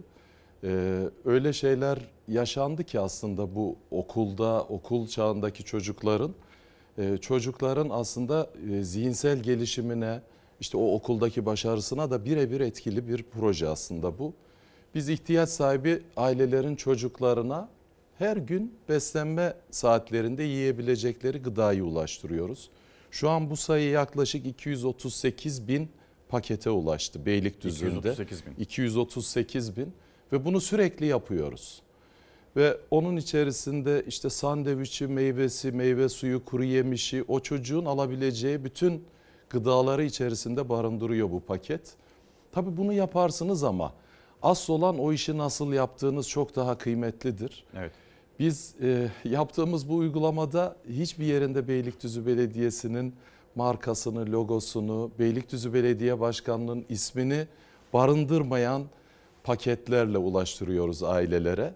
Biz Alan, istiyoruz el ki veren tabii eli ki görmüyor. Kesinlikle biz istiyoruz Doğrusu. ki e, aslında e, memlekette her ailenin, her annenin, her babanın kendi evladına yetebileceği bir ekonomik düzeni kurması gerekir. Az önce siz de söylediniz. Yani asgari ücretin pozisyonu ortada. Biz tabii ki Cumhuriyet Halk Partili belediyeler e, o dönemde genel başkanımızın talimatıyla hep asgari ücretin üstünde ücretler vermeye gayret ettik. E, şu anda aynı şekilde süreçleri yürütüyoruz. Çünkü insanlar artık bir çıkmazın içerisine doğru gidiyor. Beylikdüzü'nde de kiralar, siz Beylikdüzü'nün çehresini güzelleştirdikçe emin olun oradaki talep de artıyor. Ben e, bazen Yaşam Vadisi'nde dolaşırken önümü kesiyorlar. Bir hanımefendi bana başkan yeter ya artık park yapma dedi. Ben ciddi misiniz dedim. Ya siz park yaptıkça, siz Beylikdüzü'nde yatırım yaptıkça Beylikdüzü'nün çehresi farklılaşıyor. Artık kiralık ev bulamıyorum. Ya mecburen başka noktalara geçmek zorundayım diyen komşularımız var. Ee, ama Hem tabii- övgü var hem bir sitem taraftan var. tabii evet. Yani maalesef e, ekonomik düzen aslında değişmesi gereken şey insanların refahını sağlamamız lazım. Biz yerel Peki yöneticiler bütçeniz yetiyor mu? Nasıl başarıyorsunuz? Valla biz şu an e, Vatandaşın bütçesini konuşuyoruz ama sizin belediyenin bütçesi e, ne durumda acaba? Şimdi belediyelerin de bütçeleri tabii vatandaştan biz gelirlerini alıyoruz. Vatandaşın emlak vergileri oluyor. İşte ruhsat harçlarımız var ve belediyenin bir mali disiplini var Beylikdüzü'nde. Beylikdüzü'nde şu an e, aslında kendi kendine yetebilen ve denk bütçeye eşdeğer bir bütçeyle Beylikdüzü'nü yönetiyoruz. Şu an e, tabii hesapta olmayan e, problemler çıkıyor. Mesela asgari ücretteki artışlar, bu enflasyon artışları bunlar ister istemez sizin maaşlarınıza, ücret politikanıza yansıyor. Bir önceki yıl yaptığınız Hizmet projeksiyonu tabii tabii hepsini. mutlaka. Ya emin olun e, ihalelere artık müteahhitler girmekten imtina ediyorlar. Çünkü beton fiyatı, demir fiyatı e, bunları verirken ihaleye girdiği tarihle hani işi yapacağı tarih arasındaki sürede emin olun o rakamlar birbirini yetişip geçebiliyor. Maliyetleri çok artıyor. Dolayısıyla zor bir süreçte yerel yöneticilik yapmaya gayret ediyoruz. Ama tabii ki vatandaşın hayatını kolaylaştıracak işleri yapıp ya bahane üretmeden biz kaynaklarımızı maksimum düzeyde verimli kullanmaya gayret ediyoruz. 238 bin paket dediniz. Evet. Ee, peki mesela vatandaşlar da burada katkı verebiliyorlar mı? Yani Şöyle- askıda ne bileyim beslenme çantası projesi gibi bir Evet. projeniz de var mı? Ya şöyle aslında biz bu e, pandemi döneminde düşünce sistematiğimizi değiştirmiştik. Biz o dönem e, dayanışma askısı diye bir askı ortaya koymuştuk ve o dayanışma ve paylaşma duygularını maksimum düzeye çıkarmaktı hedefimiz. Biz burada e, çocuklarımıza, evlatlarımıza ulaştırdığımız bu gıda paketlerinin büyük bir kısmı aslında hayırsever insanlarımızın bağışlarıyla bizim bir mutfağımız var. Yine afetlerde kullanılmak üzere hazırlamıştık, hazır hale getirmiştik. E, istiyoruz ki afetlerde de bu kentin çorbası kaynasın. Çünkü farklı bir deneyim, tecrübe. Dolayısıyla biz hayırseverlerimizi de sürecin içerisine çok aktif bir şekilde katıyoruz. Bu en son yaşadığımız 11 ili etkileyen deprem felaketinde de biz bunu gördük. Beylikdüzü çok hızlı mobilize oldu. Çok hızlı mobilize olmanın avantajı çok hızlı aksiyon alabildik Beylikdüzü'nde. E, afet bölgesine belki de ilk ulaşan belediyelerden bir tanesiydik. Sizin bir mobil konut projeniz Evet, vardı. modüler, Modüler konutlar. Peki e, o ne durumda şu anda deprem bölgesinin neresindesiniz? E, ne yapıyorsunuz? Çünkü bugün bir gazeteci e, üzerinde ceketini çıkarttı, gömleğini çıkarttı, atletle yayın yaptı, dikkat çekmeye çalışıyor. Bizi unuttunuz Hatay'da, bizi unuttunuz diye bir isyan sesini ekranlara taşıdık. Siz neredesiniz, neler yapıyorsunuz? Ee, maalesef aslında afet denince aklımıza hep deprem geliyor ama şu an ülkenin farklı noktalarında sel afetleri Evet, yaşıyoruz. Bunlar doğa olayı. e, Bu doğa olayını afete dönüştüren aslında yetkililerin yerine getirmediği sorumluluklar. Biz onun için afet öncesine çok hazırlık yaptık Beylikdüzü'nde. 2014 yılından bugüne hazırlıklarımız devam ediyor. Ben göreve geldikten sonra da yine aynı şekilde afetlere karşı nasıl dirençli bir kent inşa ederiz? Nasıl esneyebilir, hızlı aksiyon alabilir? Hep bunlar üzerinde kafa yorduk. Bir afet kültürünü oluşturmak zorundayız. Biz e, Kahramanmaraş depreminde aslında 4.17'de gerçekleşen depremde bizim Afet ve Acil Durum Yönetim Merkezimizde biz saat 6.30 itibariyle Sayın Kaymakamımızla birlikte bir araya geldik. Biz bu tesislerimizi hep öncesinde hazırlamıştık aslında. Afet öncesi Marmara depremine Tabii, hazırlık yaparken tabii. bir yandan da karşımıza çıkan Kesinlikle. bu feci deprem. Mesela burası bizim Afet Acil Durum Yönetim Merkezimiz. Biz burada toplantılarımızı yapmaya başladık 6.30 itibariyle. İşte çeşitli toplantılar yaptık. Ee, siyasi partilerin temsilcilerini çağırdık. Ee, meslek örgütlerini çağırdık. STK'ları çağırdık. Ve 9.30 itibariyle bizim bütün toplantılarımız bitmişti. Beylikdüzü'nde kararlar almıştık. Ee, o esnada da e, İstanbul'un Hatay'la eşleştiğini öğrendik ve oradaki yetkililerle temas kurmaya gayret ettik. Ama bu aşamada mesela şurada tarih 6 Şubat saat 11-12 su- sularında biz Beylikdüzü Belediyesi'nin kendisi için almış olduğu çadırlarımızı Çadırlar afet gidiyor. bölgesine göndermeye başladık. Emin olun e, tır şoförü bizden adres bilgisi istedi. Biz kendisine adres bilgisi veremedik. Hatay'a doğru yola çık. Biz sizi e, konum göndereceğiz dedik. O esnada da oradaki yetkililerle Hiç görüştük. beklemeden, Hiç beklemedik. Ya bunun şöyle avantajları oldu. Bakın biz ilk gün afet bölgesine yaklaşık 25-30 tane tırı gönderdik. Şu an itibariyle Beylikdüzü'nden afet bölgesine giden tır sayısı 234 tır sayısı. Şu da bizim afet sonrası lojistik merkez olarak kullanacağımız bir alan. Yaklaşık 12 bin metrekarelik bir kapalı alandan bahsediyorum. Bu bizim çağrımızdan sonra insanlar buraya akın ettiler ve biz burada tasnifleme işlemine başladık. Unutuyoruz Gelen değil mi? bağışları çoğunu unutuyoruz. Unutuyoruz. Yani e, bu deprem felaketi yaşandı. 50 binden fazla insan hayatını kaybetti. Enkaz altında kaldı. Hala cansız bedenler çıkıyor. Evet, enkazdan. maalesef. Ve biz böyle bir seçim gündemi, bir ekonomi gündemi Evet. Yeniden hani Asıl- bu ülkenin beka gündemi. meselesi Asıl gündemi bu. Asıl gündem. Emin olun. Bu biz e, Hatay ve İskenderun'la temaslar kurduktan sonra bize yaklaşık 44 dönümlük, ilk etapta 70 dönümlük ama biz ilk etabında 44 dönümlük bir alanı planladık. Mesela bu işlemler tamamen ilk gün içerisinde gerçekleşen işlemler. 29 tane iş makinasını bölgeye sevk ettik. O alanı toparladılar. Bir taraftan enkazda çalışmaları yaparken arkadaşlarımız bakın şu önemli bir resim 7 Şubat. Bizim tuvalet konteynerlarımız e, bizim çadır kent olarak inşa edeceğimiz alana gelmişti. İskenderun limanı yanıyor o esnada. Bakın yine Ve 7 Şubat'ta 7 siz bunlara Şubat. eriştirdiniz. Tabii. 7 Şubat'tan bir fotoğraf daha göstereceğim size.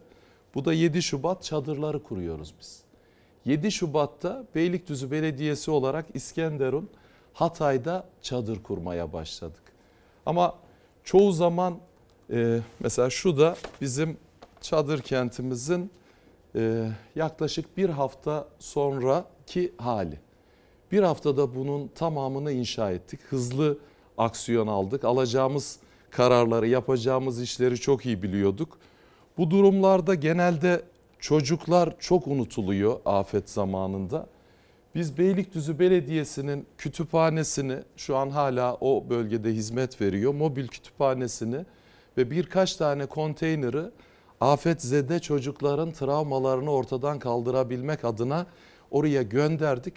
Ve emin olun bunlar bir hafta 10 gün içerisinde tamamını bitirmiş olduk. Ve 3500 insanın yaşadığı içerisinde yaklaşık 10 bin, 15 bin insana hizmet verebilecek kapasitede bir mutfağı olan bir merkez kurduk. Ama e, az önce de söyledim 234 tane tır gönderdik. Siz afet bölgesine tır gönderiyorsunuz. E, kim kaldıracak, kim indirecek? Hani afet bölgesi burası. Dolayısıyla biz o gün aldığımız kararın içerisinde şu da vardı. Biz orada bir lojistik merkez kuralım. Lojistik merkezimiz olsun. Aynı zamanda biz tırları buradan sevk ettik ama orada da biz indirdik. Orada da tasnifini biz yaptık. E, motokuryelerle ulaşamayan noktalara bunları ulaştırdık. Motosiklet kulübü, offroad kulübümüz, yani Beylikdüzü'nün aslında enerjisi Beylikdüzü'nün aklıyla bunların tamamını yaptık. Eğer siz afet öncesine çalışırsanız emin olun afet anında alacağınız kararları da çok net bir şekilde biliyorsunuz. Ona göre de şekillendirebiliyorsunuz yaptığınız bütün çalışmaları. Şimdi peki Beylikdüzü'nde ne yapıyorsunuz konusuna geleceğim. Yalnız vaktimiz de azalırken e, bir değişim rüzgarı esiyor. Evet. Cumhuriyet Halk Partisi'nde. E, İstanbul Büyükşehir Belediye Başkanı Ekrem İmamoğlu e, ben bu değişimin de e, öncüsü olacağım dedi. Bu çağrıyı çok güçlü bir şekilde yapıyor. Bugün e, Ankara'da 36 belediye başkanının bir e, genel başkana destek açıklaması yapacağı bilgisi de var. Sizin bu açıklamadan haberiniz var mı? Değişimle ilgili düşünceniz nedir? Ben e, belediye başkanlarıyla ilgili olan e, kısmını da bilgim sahibi değilim. Yani 36 belediye içinde siz yoksunuz. 36 be- ama biz e, zaten Cumhuriyet Halk Partili belediyeler olarak genel başkanımızın zaten yanındayız. Nihayetinde aslında seçmen Türkiye'de bir değişim arzusunu seçimde dile getirdi. Ama bu değişim arzusunu sadece Cumhuriyet Halk Partisi üzerinden konuşmak bence haksızlık. Bu değişim arzusunu ekonomide istedi, sağlıkta istedi. Yani eğitimde istedi. Bu sadece Cumhuriyet Halk Partisi'nin değişmesiyle alakalı değil. Belki de siyaset yapma şeklimizin değişmesiyle alakalı bir şey talebi var insanlarımızın. 58'e işte 48'e 52. Bakın seçimde oy kullanmaya gitmeyen 10 milyon insanımız var. Ya buna baktığınızda hani e, yarısından aslında daha fazlası bir değişim arzusu içerisinde. Ama bu değişim sadece Cumhuriyet Halk Partisi üzerinden ilerlerse, konuşulursa bence Cumhuriyet Halk Partisi'ne de haksızlık yapılmış olur. Bence bir akıl değişikliğine ihtiyacımız var hepimizin. Muhalefetiyle, iktidarıyla herkesin bir akıl değişikliğine ihtiyacı var. Nasıl bir akıl değişikliği muhalefet için? şöyle mesela en basiti yine ben bunu Yani bir afetlere MYK değişimi ya da bir koltuk değişimi değil. yok Bir yok zihniyet kişilerin değişimi. kişilerin değişmesinden bahsetmiyorum. Bir zihniyet Bakın, değişimi diyorsunuz Bir akıl ve e, anlayış değişikliğinden bahsediyorum. Mesela 94 e, belediye seçimlerinde Recep Tayyip Erdoğan o dönemin e, İstanbul Büyükşehir Belediye Başkanı oldu. İstanbul benim aşkım sözünü yıllarca ifade etti Cumhurbaşkanımız. Mesela ne diyor 94 yıllarında? İstanbul'un nüfusu 7 milyona dayanmıştır diyor. Bu şekilde büyüyen bir şehri yönetmek imkansızdır. Siyasi iktidar İstanbul göç sorununu engellemek zorundadır. Önlemler almak zorundadır. Peki ben şimdi soruyorum. 94'te 7 milyon, bugün 16 milyon. Bakın 99 depreminde 9 milyonduk. 9 milyonluk bir İstanbul'la 99 depremini yaşadık. Buradaki aslında sihirli cümle neresi biliyor musunuz Cumhurbaşkanının? Siyasi iktidar diyor. Siyasi iktidar. Bakın seçim zamanlarında sahada tabii ki e, kendi yapacaklarınızı anlatırsınız. Ama seçildikten sonra artık size oy versin vermesin herkesin e, yöneticisi olmak zorundasınız. Hükümet de aynı şekilde. Ama bugün hükümetin geldiği noktada işte onlar biz gibi bir ayrımın ve kutuplaşmanın içerisine girmiş durumdayız. Dolayısıyla ben kendi yönettiğim alandan söyleyeceğim. Ee, Ben tabii ki Cumhuriyet Halk Partisi'nin bir ferdiyim. Onun bir ferdi olmaktan onur duyuyorum. Ama ben seçildiğim günden itibaren yakama Türk bayrağını taktım. Bu vatan için, bu millet için ve bu bayrak için çalışıyorum. Hiç ayrım yapmaksızın. Yani siyasi bakmadığınız zaman bakın afette bile siyasi bakarak kutuplaştırdık, koordinasyonu sağlayamadık. Emin olun benim Hatay'da, İskenderun'da yapmaya çalıştıklarımın önünde engeller, sıkıntılar çıkarılmamış olsaydı belki çok daha fazlasını yapabilmiş olacaktık. Ee, hemen o yaptıklarınızdan modüler ev Tabii. hemen onu da istiyorum. Tamam. Ne kadar süremiz var Savaş? Bir buçuk dakika tamam. Tamam. Ee, aslında burada şu an nasıl bir sistem çalıştığımızı söyleyeyim. Buradan çıkardığımız dersler. Biz şimdi Beylikdüzü'nde şöyle bir kitapçık hazırlıyoruz. Bunu ne için hazırlıyoruz? Afet anında yöneticilerin afetzede olduğunu da biz Hatay'da, Kahramanmaraş'ta gördük. Biz Türkiye'nin herhangi bir noktasında deprem olduğunda çok hızlı hareket edebiliyoruz ama bizim bölgemizde deprem olması halinde, İstanbul'da deprem olması halinde nasıl hareket edeceğimize ilişkin çözümler. Bu mesela geçici barınma alanıyla alakalı bir çözüm önerimiz. Şu an bakın Hatay'da sıcaklık çok üst düzeyde. Evet. İnsanların çadırda o yaşam konteyneri diye söylenen alanlarda yaşaması imkansız. Bu hazırlamış olduğumuz şey yaklaşık 48 saat içerisinde biz bunu Beylikdüzü Belediyesi olarak yaptık. Modüler bir sistem bu. İstediğiniz kadar büyütüp küçültebiliyorsunuz. Bu aslında afet bölgesinde şu an çok ciddi artçılar var. Artçıların olduğu bir yerde betonarme, konvansiyonel sistemle bir şeyler üretmeniz mümkün değil. Bakın Ve çok mümkün değil. pratik, yani hayat kurtarıcı. İşte bu kurulma anından bir görsel. Vinçlerle yaklaştırıyorsunuz, montajını yapıyorsunuz, bitiyor. İçerisinde mobilyalarıyla birlikte. Ama biz bunun yanında bir de şöyle bir şey yaptık. Çok hızlı ondan bahsetmek istiyorum çünkü ilham olsun istiyorum. Afet Acil Durum Müdahale İstasyonu şurada gördüğünüz. Bunun içerisinde hiltisi, işte e, beton kesme aparatları bunu niye yaptık biliyor musunuz? Bir taraftan hani biz Beylikdüzü'nde afetzede olduğumuzda buraya gelecek olan arama kurtarma ekiplerine bu konteynerları tahsis edeceğiz. Beylikdüzü'nün şu an mesela konteynerin içerisinden görünüyor. Bir bilgi sistemiyle burada yatakhanesinin Evet. de içerisinde olduğu ve hiçbir ihtiyaç duymadan aslında e, arama kurtarma ekiplerine ihtiyaç duyulan her şey bu konteynerin içerisinde olacak. Şimdi bugün Beylikdüzü'nde konuşalım dedik ama önümüz yerel seçimler. Evet, evet. Demek ki e, Beylikdüzü'nde ayrıca konuşmak için deprem her zaman bir gündem olarak karşımızda olacak. Beylikdüzü'nü, Beylikdüzü'nde yaşayanları ve onların ekonomik olarak daha e, refah anlamında da yukarıda kalabilmeleri için e, bunu bir kez daha yapmamız gerekiyor. Bir ayın daha Tamam. sözümüz olsun size. E, Beylikdüzü Belediye Başkanı Mehmet. Murat Çalık kendisini ağırladık Çalar Saat'te.